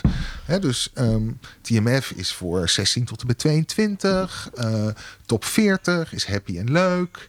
Eh, MTV is wat voor de, voor, eh, meer ehm, eh, voor de oudere jongeren, vanaf 18 tot en met 26. Meer Nirvana, meer grunge, meer alternatief. En dat klopt ook wel een beetje. Dus je kan die. Maar als je, en dat is natuurlijk vaak met dit soort dingen, als je gaat kijken daadwerkelijk wat ze nou uit, uitzonden en ehm, zijn de overeenkomsten veel groter dan de verschillen. En dat merkte je ook ehm, uiteindelijk toen, toen die werd, eh, eh, toen ze samen gingen, dat gewoon een heel gedeelte van TMF ging gewoon wap op de MTV-zender zonder enig probleem. Dus er zijn wel. hè, dat, en dat hebben ze zelf ook heel erg gecultiveerd. Dus het alternatieve versus het commerciële. Maar het was allebei natuurlijk gewoon commerciële muziek. uiteraard. Maar ik had wel het idee dat Het accentverschil is veel kleiner dan mensen denken. Ja, maar toch, waar ik ook mee begon. Eh, laten we de olifant in de kamer benoemen hier. Dat er een heel groot sociale klassenverschil was. In, in, in de manier van. eh, hoe de beide zenders de kijker aanspraken. Nou, ik, denk, ik denk dat dat echt te zwaar eh, gezegd is. Kijk, Jerry Goossens heet hij geloof eh, als ik het nu goed heb. Dat is een interviewer van, of een journalist van het Parool. En die heeft daar toen in de jaren 70, of jaren 70, in 97 een heel mooi stuk over geschreven. En die zegt op, eh, en, die, en die heeft toen ook met die makers gesproken en heeft ze ook naast elkaar ge- gelegd. En, daar wordt dat verschil heel erg uitvergroot. En dan zegt hij op een gegeven moment: MTV is eigenlijk de VPRO van, eh, eh, van de muziektelevisie. En, of zoiets in die trant. Ehm, ik denk dat we dan echt een verschil veel groter maken. Uiteindelijk zond MTV ook gewoon de top 40 uit.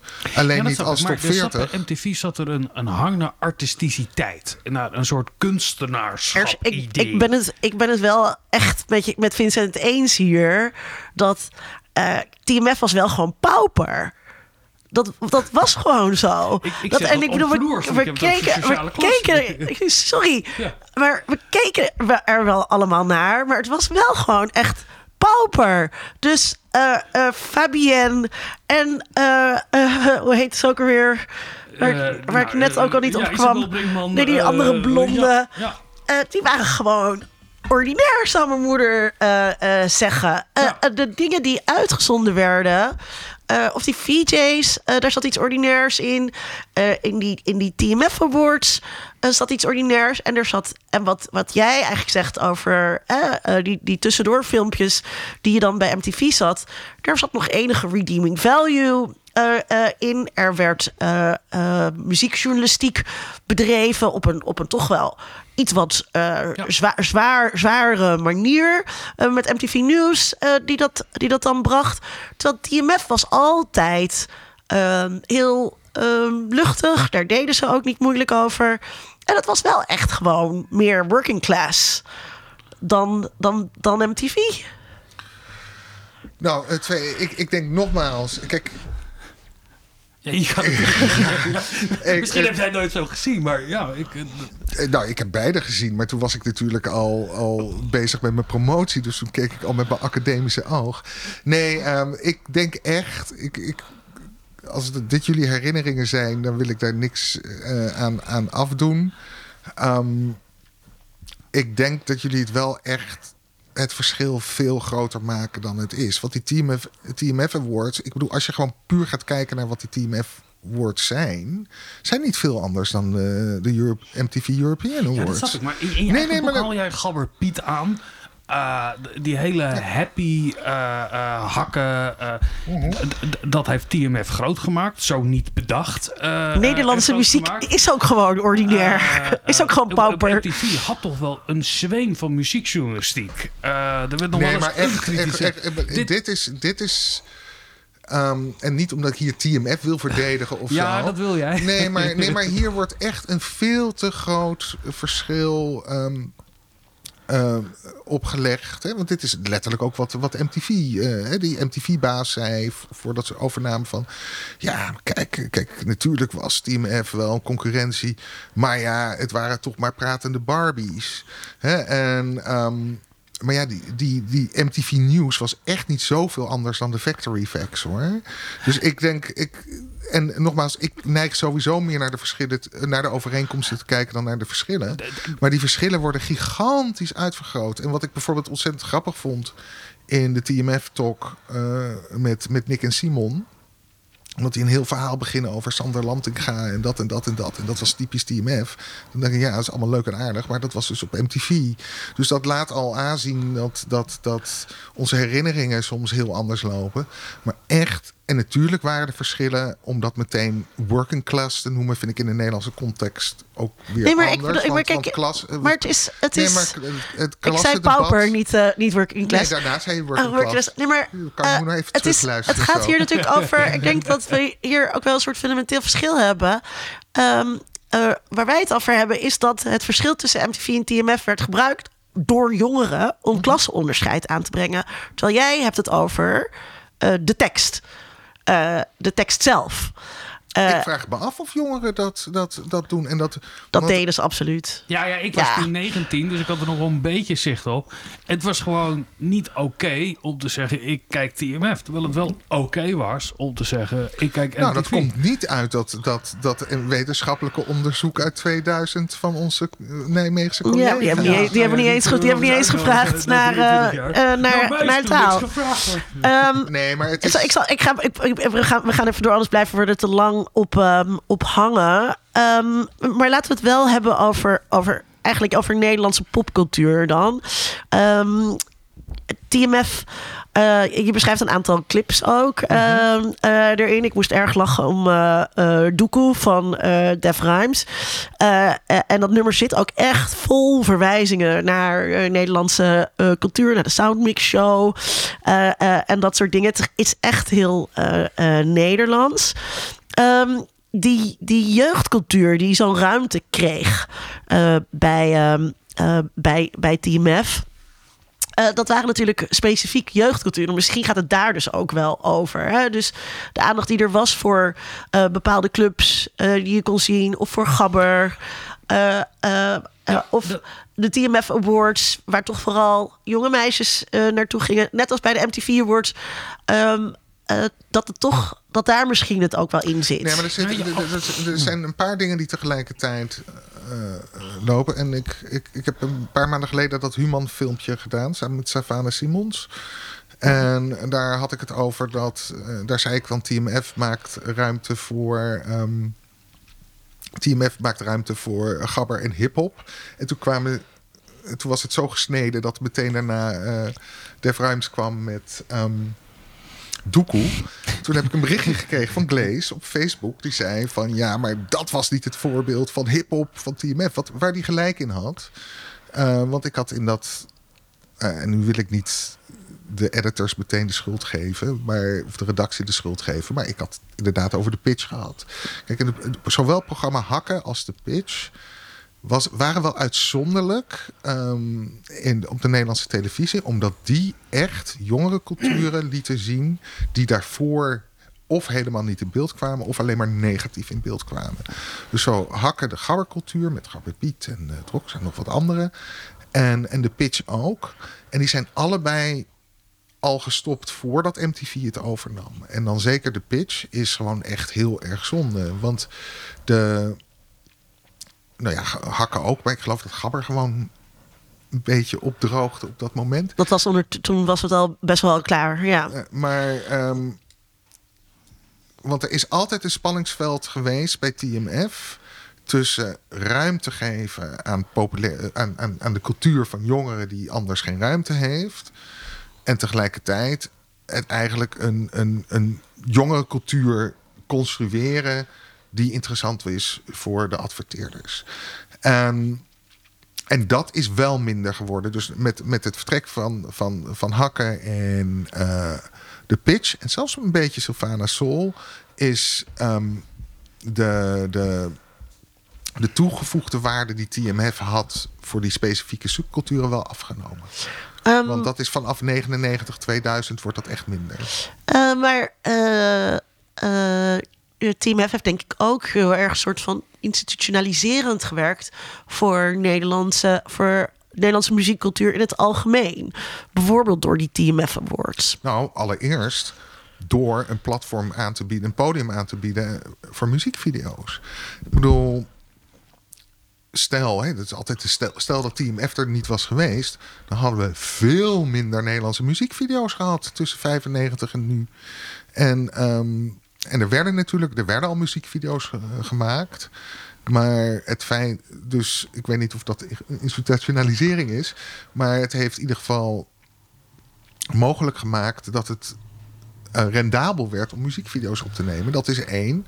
En het tweede zijn die TMF Awards. Die zijn. Um, um, ja, kijk, we hadden natuurlijk vroeger al de Gala du Disc. En ja, je had alleen maar de, je had de Edisons, toch? Dat was het. Uh, maar zo echt zo'n een uh, televisiefestival voor jongeren. Iets met een voor metropool. Echt ook voor popmuziek. Voor popmuziek, waar A, buitenlandse sterren kwamen, maar vooral veel belangrijker, die Nederlandse sterren konden schitteren op datzelfde podium als internationale sterren.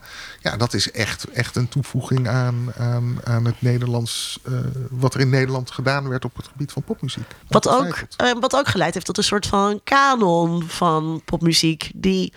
Uh, als het alleen maar bij, de, bij het uh, en de Edisons was gebleven, dan had hij er kanon er heel anders uitgezien. Dan waren we nooit losgekomen van Ramses fucking, Ramses fucking Shaffi. Nou, niet nou, zo het is, Ramses, kijk, het, het, het, kijk het, dit soort dingen zijn altijd heel moeilijk. Hè? Dat, ik weet nog wel. Dat nou ja, nu is het Abel. Abel onderweg is een van de superclips uh, die ja. je beschrijft. Uh, wat wel echt Nederlands, Nederlands uh, erfgoed is. En, uh, Het iets alternatievere zusje, dat vond ik mooi omschreven. Ja. En, en dat, ja, dus het was ook wel anders, dat, ja, anders waren we blijven hangen bij Boudewijn de Grote Ramses Shaffi. En nu is het, dan is het mede dankzij, nou, ik, denk ik, ik TMF, ik, is het Abel en Cressip. Nou, vooral heel veel Marco Bussato, geloof ik. Maar Um... Nou, kijk, je weet nooit wat er gebeurd was. Als, hè, je vroeg eerder van als er Team F was geweest. Nou, was er misschien Hit TV Veronica geweest. Of er was een andere vorm geweest. Maar wat je wel gewoon kunt zien is. Uh, en er zijn ook andere redenen waarom uh, eind jaren negentig. Uh, door platenmaatschappijen meer geïnvesteerd werd in, in Nederlandse sterren. Omdat internationaal lag de platenbusiness een beetje op zijn gat. En dan was het interessanter weer om in lokaal talent te investeren. Dus het is nooit één reden. Um, maar wat bijvoorbeeld heel interessant is, is dat um, Marco Borsato, dat durf ik wel te stellen, even los van de afgelopen twee, drie jaar. Maar Marcos Borsato carrière had er heel anders uitgezien zonder TMF. Hij was er al, hè, want hij was al. Uh, hij had al twee nummer 1 hits voor dat team. Hij had de Soundmix Show al gewonnen. Hij had de Soundmix Show al gewonnen, maar Dromen in Bedrog en uh, zijn tweede hit singles, wiens naam ik nu even niet weet. Um, dromen, uh, dromen, meeste dromen zijn bedrog had ook helemaal geen videoclip. Maar hij was toen een beetje, als je die terug, dat is ook het leuke als je al die oude artikelen terugleest, werd hij een beetje gezien als een nieuwe René Vroger. Dus en, en terwijl nu denk je nou dat is dat zijn totaal verschillende eenheden. Um, en dat we dat nu als een verschillend eenheid zien, eenheid, eenheid, eenheden zien, um, komt onder andere door uh, dat TMF de ruimte bood voor hem om zijn carrière op het gebied van de muziekvideo's uit te breiden. Hetzelfde voor Anouk. Dus daarom haal ik, ik, haal ze, dat zijn eigenlijk twee um, artiesten die ongetwijfeld ook succesvol waren geweest zonder TMF. Maar een bepaalde invulling aan hun popcarrière hebben kunnen geven. En het een soort ja, niet op een hoger niveau, maar op een meer sterrenniveau hebben kunnen tillen. Ja. Mede dankzij TMF. En, mede, en met name de TMF Awards. Dan wordt vaak, uh, Marco Borsato is daar uh, een ultiem voorbeeld uh, van. er wordt vaak gedaan alsof Nederlandse sterren, in tegenstelling tot Amerikaanse artiesten, alsof die Nederlandse sterren zo gewoon gebleven zijn. En of dat en, en als een soort uh, onderscheidend kenmerk van Nederlandse celebrity uh, cultuur. Uh, dat haal je flink onderuit. Ja, maar dat doe ik, heb, doe ik regelmatig, ook op andere media. Ja, dat, dat, dat is een totaal. Kijk, gewoonheid in Nederland wordt gezien als een heel specifiek en nationale waarde. Ik ben niet de eerste die dat zegt. Um, en dat is ook zo in de zin dat dat in Nederland heel erg gecultiveerd is. Maar voor iedereen die uh, een beetje sterrenkunde op zijn Richard Dyers heeft uh, bestudeerd, weet. Maar ook een John Ellis, ik bedoel... Richard Dyer, bekende uh, mediawetenschapper die veel over sterren heeft geschreven. Ja, en, en John Ellis over mediapersoonlijkheden en te televisiepersoonlijkheden. Um, het is altijd een combinatie van gewoonheid en buitengewoonheid. Dus elke ster. Um, of het, nou ja, ik kan nu op geen internationale ster bedenken. Maar ook die moet een vorm van gewoonheid hebben. Um, Taylor Swift. Taylor Swift, hè, die zit ook thuis gewoon in een spijkerbroek op de bank. Uh, en dat. Ja, en dat wordt in Nederland een beetje van, oh ja, in Nederland uh, zijn ze allemaal gewoon en zijn het nooit echte sterren. Dat vind ik dus inter interessant, hè? want heel veel zeggen in Nederland hebben we geen sterren, we hebben alleen maar BN'ers. Maar daarmee uh, maken we onzichtbaar dat ze natuurlijk wel buitengewoon zijn en ja. ja, maar dat heeft ook met schaal te maken. Kijk, de ster die bij jou in de staat woont, hè, die slechts 150 mijl bij jou vandaan woont, die voelt waarschijnlijk voor Natuurlijk, de er zit ook heel een. Nabij. Uh... Nou, alle Nederlandse sterren wonen bij ons heel nabij. Dus, ja. En ja. Ja, nee, dat, dat, dat, ja, maar het gaat verder dan dat hoor. Ja, dat, dat speelt, dat, dat speelt wel mee. Maar um, en ik ga nogal wat. Uh, wat, wat um, maar die, de, de, die hele cultivering van de Nederlandse gewoonheid gaat wel een stapje verder dan alleen uh, geografische afstand. Um, en dat maakt het ook interessant om te onderzoeken. Dus het is wat. wat maar mijn punt, de twee kanttekeningen die ik maak, is A. Buitenlandse sterren zijn niet alleen maar buitengewoon, maar die moeten ook iets met hun gewoonheid doen. En B, Nederlandse sterren zijn niet alleen maar gewoon, maar zijn op bepaalde manier ook buitengewoon. En, maar um, dat wordt door die nadruk of die cultivering van, van um, gewoonheid onzichtbaar gemaakt. En, en ik gaf het in het boek geef ik als voorbeeld bijvoorbeeld de, de muziekvideo Schouder aan Schouder van um, Guus Meeuwis en Marco Borsato na hun faillissement van de entertainmentgroep. Uh, waar ze beide bij betrokken waren. En er zit ook een soort mystificering in door jezelf uh, je gewoonheid te cultiveren. Wil jij nog iets vragen over die viering van Nederlanderschap, waar ik je net uh, onderbrak toen ik het nog over het verschil wilde nou, hebben? Ja, we raakten al een beetje over de sociale klasse en de viering van Nederlanderschap. Het zat natuurlijk ook bij Gabber, zat ook wel een soort, soort nationalistische. Nou ja, en ze hadden uh, NL Make in Holland, hè? Ja. Dus ze hadden dus een specifiek programma. Um, waar iets meer ruimte was voor. Um, dus dat is ook in de eerste zes jaar weer. Dus waar iets meer ruimte was voor um, sterren die er anders niet echt bij TMF pasten. Hè, want uh, niet alle Nederlandse sterren waren welkom.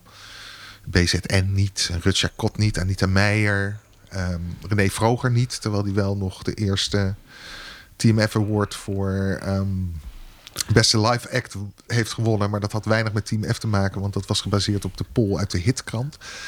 Um, maar bij uh, NL Meet in Holland waren er wat meer... Uh, meer um, waren de grenzen wat, wat losser.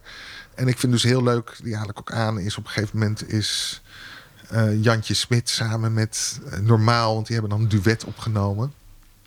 Te gast bij de, Daphne Bunskoek op de, op de bank. En dan wil hij eigenlijk Jan Smit genoemd worden. Maar dat mag niet van de platenmaatschappij, want hij heet Jantje Smit. En ze laten een clip van Normaal zien die niet dat nummer is wat ze hebben opgenomen. Omdat ze daar geen videoclip voor hadden. Ja. Dat, eh, eh, dat, dat Nederlandstalig eh, lied, daar zat een, een moeizame relatie mee.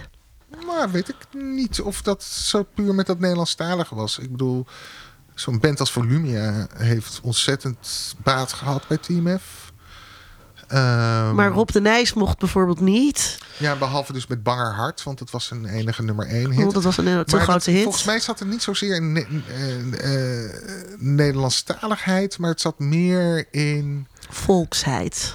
eh, ja, ik weet niet of het volks is. Ik vind dat wel een goede vraag hoor. Want ik, ik, ehm, ik zit meer te. Het, het, het, het heeft wel met smaak te maken. Dus het, het, het, het verschil tussen Marco Borsato en eh, René Vroger. En volgens mij is dat geen klasseonderscheid. Volgens mij is het een, een, een raar onderscheid tussen wat cool is en wat niet cool is. Alles wat over smaak gaat, gaat over klasse, ja. Ja, I know. Ik heb mijn Bourdieu ook gelezen. De sociaalwetenschapper zucht. Ik heb Bourdieu ook gelezen. Nee, ik normaal- vind het ook, als je die voorbeelden hebt, ik vind het volstrekt logisch. Uh, Mhm. Op een of andere manier klopt het volledig in mijn hoofd dat Rob de Nijs daar niet te zien was en Marco Borsato wel. Uh, terwijl je, met alle geweld van de wereld niet echt een heel duidelijk onderscheid daarin zou kunnen maken. Het repertoire is weliswaar iets anders, maar er zat inderdaad wel een soort, soort, soort, soort hipheid in wat René vroeger dan kwijt was. Of wat misschien hoorde bij je Dat is toch een ander publiek aantrekken. Is het, ja, maar is het dan generationeel of is het... Nee, met klasse heeft het te maken. Ja, dat, dat was ook mijn punt. Nou, Ja, ik denk mensen van het kamp die luisteren naar René Vroger. En niet alleen de mensen van het kamp. Eh, eh, maar ja, daar, daar zat wel die as- associatie zat erin mee. En Marco Borsato is toch op een andere manier volks. Meer Ja. pop. Meer Ja. pop. Ja. Nou ja, de grap was, zo zien we René Vroger nu. Maar René Vroger zat toen, ik, ik zit niet, ben niet helemaal thuis in mijn René Vroger. Maar volgens mij heeft hij toen net dat Stock Aitken en Waterman eh, productie gedaan. Dus eh, René Vroger was ehm, heel hard bezig en behoorlijk succesvol. Om, want ik zou het niet kamp noemen, maar eerder Rembrandtplein. eh, Ja. Het café van zijn vader, Bolle Jan. eh, en, en waar die juist eh, met heel veel nummers, zoals Your Place or Mine, ehm, eh, op een behoorlijk succesvol manier juist dat aan het ontsnappen. Dus, dus eigenlijk, en, en eh, het is een heel mooi. Ik ben in de Dutch Mountains. Ik ben even de schrijver vergeten, maar dat is een heel mooi naslagwerk over de Nederlandse platenindustrie. En daar zit een heel stuk in over de vergelijking tussen René Vroger en ehm, eh, Marco Borsato op dat moment. Omdat, eh, omdat ze toen heel dicht bij elkaar lagen. Maar dan moet het iets met platenmaatschappijen te maken hebben gehad. Ook, het heeft met alles te maken. Maar Marco, bij Marco Borsato zijn ze, en, en die waren, eh, en dan met Marco Borsato, die bedoel ik dus een hele team die eromheen zit. Die hebben, die, kijk, die dromen zijn bedrog, dat zit, dat zit gewoon heel erg tegen, dat, dat kan zo op Tros eh, Feest op het Plein, of hoe het programma toen heette. Dus er is eh, bij... eh, is niet heel anders dan een eigen huis, een plek onder de zon. Precies, dat, dat, dat zit in, in dezelfde hoek. En, en dat was nog een plek waar René Vroger vandaan wilde. Met meer serieuze popmuziek. Ehm, en het is uiteindelijk, Marco Borsato is dat gelukt. En gedeeltelijk door het platform wat hij van Team F heeft gekregen. En dat hij vanaf dag één eh, de meest populaire zanger van Nederland was. Met de Team F. Hmm, daar zit dan toch iets waarvan ik denk dat heeft hij niet gekregen, maar gekocht. Hey, eh, ehm, eh, naast dat Nederlandstalige lied eh, moeten we. Die man heeft al zoveel te stellen met allemaal. Ik kan er nog best wel even bij. Gooi er nog eentje over. moeten we het daar bij die in- en uitsluiting ook nog even hebben over eh, artiesten van kleur. Ehm eh, Sylvana was natuurlijk eh, een van de VJ's. Er werden veel artiesten van kleur gedraaid. Maar ehm, eh, eh, er was ook weerstand tegen hip-hop op de zender. Waar je over schrijft dat eh Sylvana in interviews daar bijna nooit wat over zegt. Totdat ze er een keer toch wat over zei. Nee, dat zijn twee dingen die ik wel uiteindelijk bij elkaar haal. Maar eh Sylvana Simons zei dat niet over, ehm, over hip-hop. Maar Sylvana Simons zei dat naar aanleiding. eh, eerst in een tweet en daarna heeft ze dat herhaald in het Volkskrant-interview van vorig jaar, dus heel recentelijk. Maar tijdens de Tweede Kamerverkiezingen van 2021, toen was zij lijsttrekker van Bijeen. Toen heeft Ruud Wild, haar oud-collega van TMF, die had een radioprogramma, of een eh, televisieprogramma zelfs, geloof ik, eh, of radioprogramma, waarin hij alle lijsttrekkers uitnodigde. En waaronder Thierry Baudet van de Forum voor Democratie. Maar Sylvana wilde hij niet uitnodigen, want dat was zo polariserend. Want met Sylvana werd het allemaal polariserend. Nou, en daar heeft ze toen één tweet eh, gezegd. En ik moet hem nu uit mijn hoofd citeren. Maar iets van dit rijdt een herinnering open. Eh, of dit brengt. eh, en, want op, op, het, op de dag van haar afscheid, niet door Ruud Wild trouwens, maar door iemand anders, is gezegd toen zij wegging: Oh, dan zijn we nu van die apenmuziek af. En dat heeft ze ook herhaald in, ehm, in de Volkskrant interview. En dat haal ik aan in de conclusie, omdat ik het ehm, opvallend vind dat iedereen zo ontzettend positief terugkijkt op TMF, wat natuurlijk geweldig is. Maar er is een vrij nostalgische blik daarop.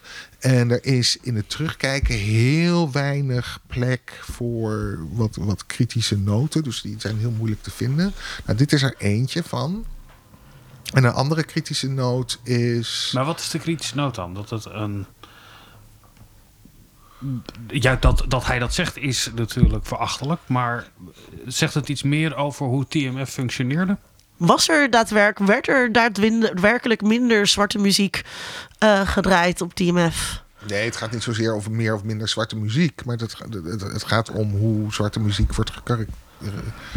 Dat is een woord. Gekarakteriseerd. Eh, ehm, en zonder, en ik bedoel, en er is natuurlijk ook een hele discussie over hip-hop. Ik bedoel, er, zijn Ja, maar dus allemaal. die discussie over, over eh, eh, artiesten van kleur eh, is bij Radio 3 bijvoorbeeld heel duidelijk gedocumenteerd. Er is, heel veel, daar is heel veel kritiek op gekomen. Op een gegeven moment gingen mensen daar hun bek over opentrekken.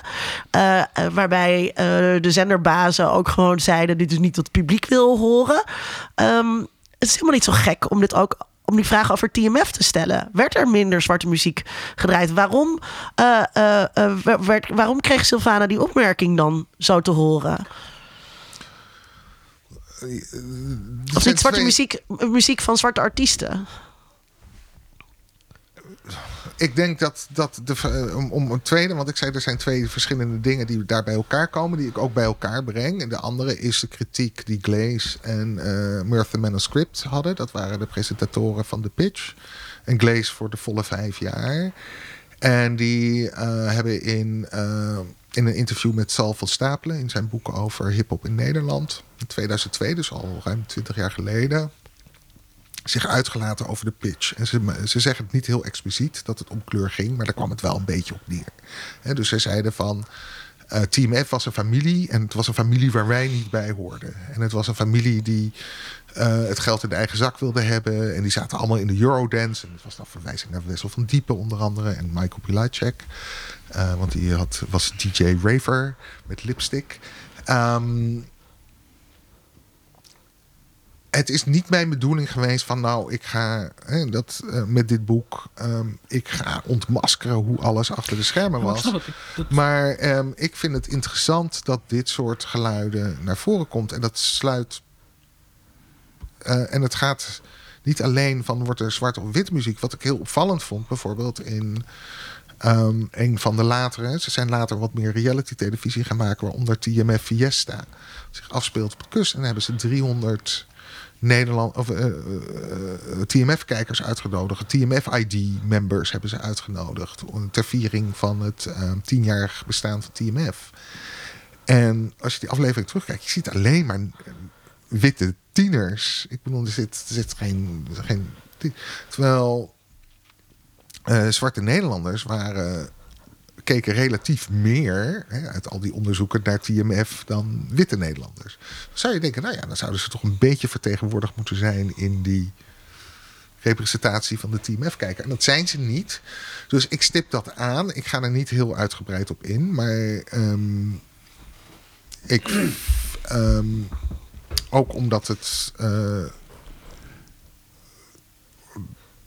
nou ja, ik, ik ga er. ehm, ik ga er in zover ik erop in kan gaan.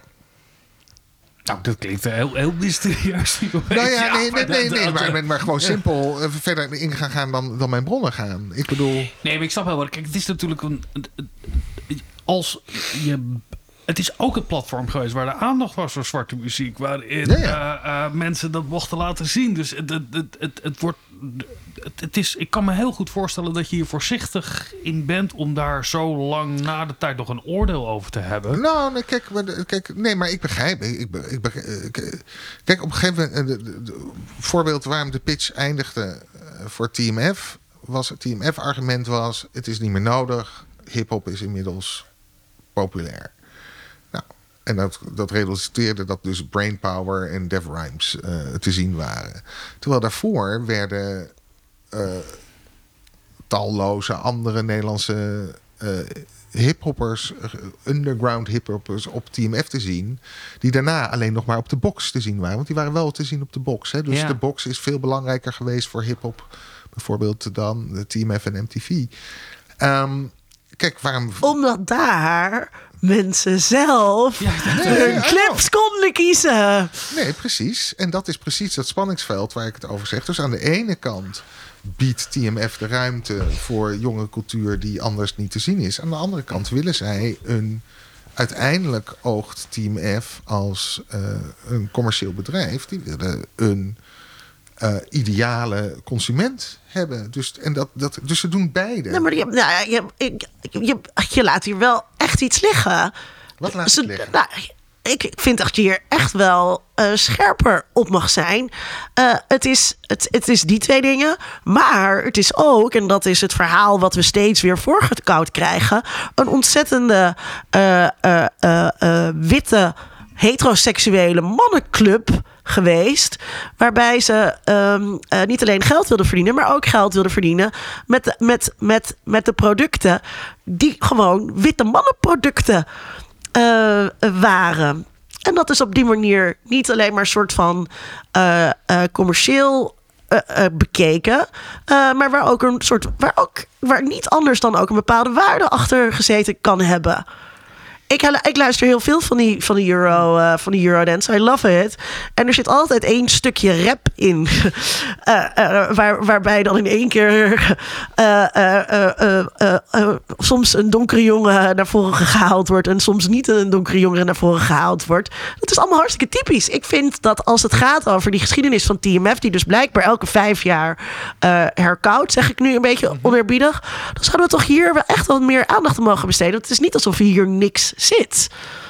Ja, maar ik snap ook wel... de- Je doet net alsof het niet opzettelijk is.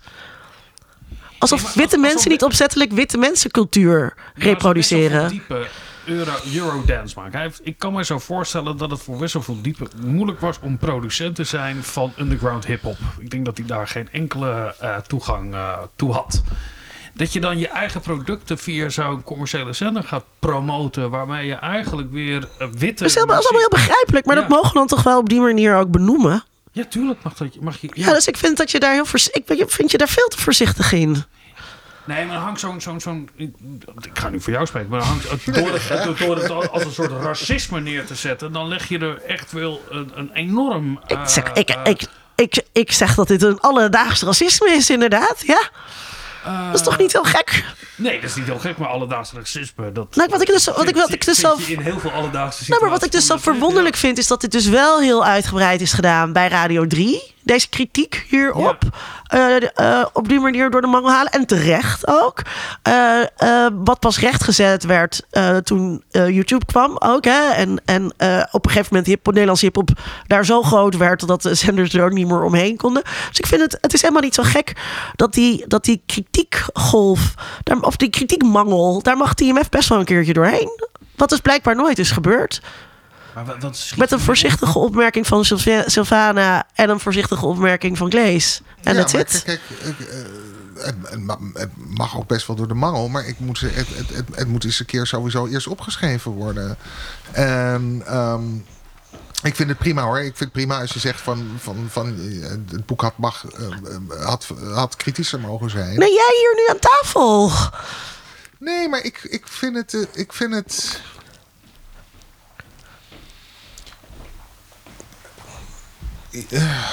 Even denken. Ehm, ik weet niet. Op, op, wat ik al zei, ik, ga, ik kan met die dingen net zo ver gaan als mijn bonnen gaan. Dus Ja. ik kan niet. ehm, Ja, dat snap ik heel goed voor je boek. en, nou, nee, maar, maar ik, ik ga ook, ook en, en ik ga verder dan, dan, dan, dan Glaze en Murphy Manuscript. Tenminste, niet verder. Maar eh, ik, zeg, ik weet niet meer wat ik letterlijk schrijf. Maar ik schrijf zoiets. Ze zeggen het niet hardop. Maar kleur heeft hier duidelijk, speelt hier duidelijk een rol. Ja, en, en, en het is duidelijk dat eh, de zwarte Nederlandse kijker voor TMF minder interessant was dan de witte Nederlandse kijker. Staat ook in het boek. En, ehm, ik, maar het staat er niet van. TMF is racistisch, want ze doen dat en dat en dat. Ik heb geprobeerd, en eh, ook op het gebied van seksisme, eh, wat er ook was. Hè, eh, ehm, alleen eh, radio-dj's, alleen mannen kunnen goede radio-dj's zijn en vrouwen die moeten op tv. Zit er ook in. Hè? Dat noem ik ook openlijk seksisme. Want in die tijd heel gebruikelijk was. En het is misschien zelfs nu nog steeds gebruikelijk, maar je zal het ieder iets minder expliciet zeggen. Ehm, dus voor mij zit die kritiek er wel in. Ehm, dus ik vind mezelf helemaal niet zo voorzichtig. oké. Kijk, ik, ik, ik wil niet. Ik wil voorkomen dat, dat je eh, weer, weer een tweede slag. Kijk, kijk eens, hè, Sylvana beticht mensen weer van racisme. Nee, dat doet ze niet. Sylvana Simons eh, laat met die tweet zien: dit is de omgeving waar ik zat. Dit is ehm, ook, ook de omgeving waarin. niet Ruud de Wild, dat moet ik wel eerlijk zeggen. Ehm, waar Erik de Zwart op een gegeven moment zegt eh, met het N-woord eh, van nou, die muziek hebben we nu ook wel gehad. Hè, dus het is. En we zijn allemaal oud en bekend genoeg met, met die cultuur van die tijd om, om te weten hoe het. eh, hoe een mannenwereld het was, hoe een witte mannenwereld het was. Zo, mooi. Dat heb ik Ja. toch uitgesleept. Het was een witte mannenwereld. En dat moeten we op die manier ook, dat moeten we ook doorbreken. Door dat op die manier ook zo te benoemen. Ehm, we komen aan het Komt einde. terug hoor, maar dat is een andere aflevering. We komen aan het, ook aan het einde van deze aflevering. En dan beantwoorden we altijd een vraag. En ik had bedacht dat de vraag nu gaat zijn: wat was er cool aan TMF? Eh, ik geef hem eerst aan Vincent en dan eh, daarna mag jij hem, Jaap. Nou, op basis van je boek ook, maar ook wel mijn herinneringen, was toch wel een, een soort trots ook was dat het Nederlands was. En dat blijkt ook uit De het enige onderzoek. echte. Eh, dat Nijmeegse onderzoek. Eh, ja, dat, dat kan ik me nog wel herinneren. Maar ik, ik weet ook heel erg dat als ik uit mijn herinnering put... dat ik gewoon net niet echt de doelgroep was. Dus dat het altijd iets voor anderen was. Dus wat er cool aan was, was... Ook vanuit mijn perspectief dat we zoiets hadden. Een Nederlandse zender waar Nederlandse presentatoren waren... die Nederlandse dingen zeiden. Eh, dat, dat gevoel. Maar dat had ik eigenlijk ook met Top op. Eh, dus dat, de- het als popmuziek in Nederland en dat er dan grote sterren zijn, dat was toch wel een beetje wat je dan een soort, een soort, soort ja, trots daarbij voelt. Nederlandse trots, dat is wat mij bijblijft. Wat was er cool aan TMF? Of vet. Ze, ze, ze- Vet. ze noemden het toen al vet. Dat vond ik zo, want ik dacht dat dat veel recenter was. Ehm, maar ehm, ja, nee, Dat zegt weer over ons. ja, dat, ehm, nee, kijk, kijk, Team F. Volgens mij dat- zegt ook niemand meer vet. Hm? Vet zegt volgens mij nu ook niemand. Nee, dat ongetwijfeld, behalve mensen van mijn leeftijd. Ehm, maar nee, het viel me op dat ze dat toen. eh, Ja, toen ik, ben, ik vind trouwens altijd, dat je moet, je moet de woorden hiervoor gebruiken die cool waren toen jij cool was. Of toen jij jong was. En bij ons was dat dus toen cool. Eh, Nou ja, ja. de grap was, ik, ik, zeg ook nog steeds onwijs. ik, ik, zo onwijs gaaf, moet je dan zeggen. Ehm, maar ehm, nee, Onwijs ik, cool. ik, ik heb wel, daar heb ik wel over getwijfeld. Ik heb het op een gegeven moment over genres die mega populair waren. Ehm, dus daar heb ik wel over getwijfeld. Ik heb het hele boek ook, ook in, eh, in, de, in de tegenwoordige tijd geschreven. Omdat ik een beetje die dynamiek wilde houden. En dat komt meteen dan op mijn antwoord. En dat geldt niet. Het geldt net zo hard voor MTV als TMF. Maar voor al dat soort popcultuur. Kijk, wat, wat daar vet cool gaaf aan is. ehm, is toch eh, die verleiding van, van die, van die audiovi- audiovisuele taal. Ik bedoel, het is, ik ben nu. ehm, op eh, 6 februari doe ik mijn boekpresentatie in de Melkweg. Dus daar ben ik nu voor een, ehm, een filmpje aan het samenstellen. En dat is dan toch weer gewoon. Ik bedoel, het gewoon heerlijk om met dat beeldmateriaal te werken. Het is snel en flitsend. Ik bedoel, dat hele postmodernistische waar Ian Kaplan het over had. Ja, dat had TMF ook. Ja, ik, ik denk dus. eh, eh, ik vond het toen dus niet cool.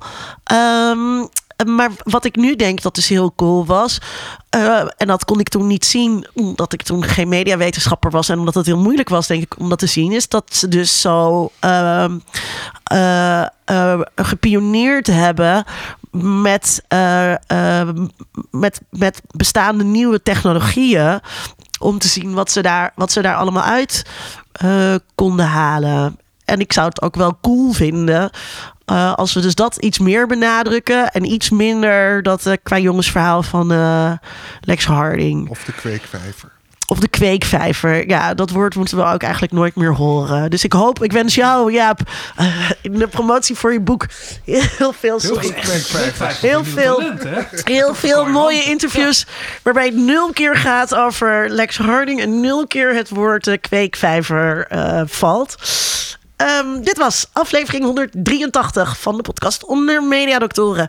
Kijk op ondermediadoktoren.nl voor ons archief. En vind daarin vijf keer eerder Jaap als gast. Wist je dat? Vijf keer eerder. Wel absoluut record. Aflevering 35 over biseksualiteit. Aflevering 51, de dood van de popster. Die was Af- heel leuk. Die is heel leuk. Aflevering 73 over disco. Aflevering 98 over The Fake. Aflevering 113, dat is een aflevering uit onze corona-reeks aantekeningen uit het ondergrondse.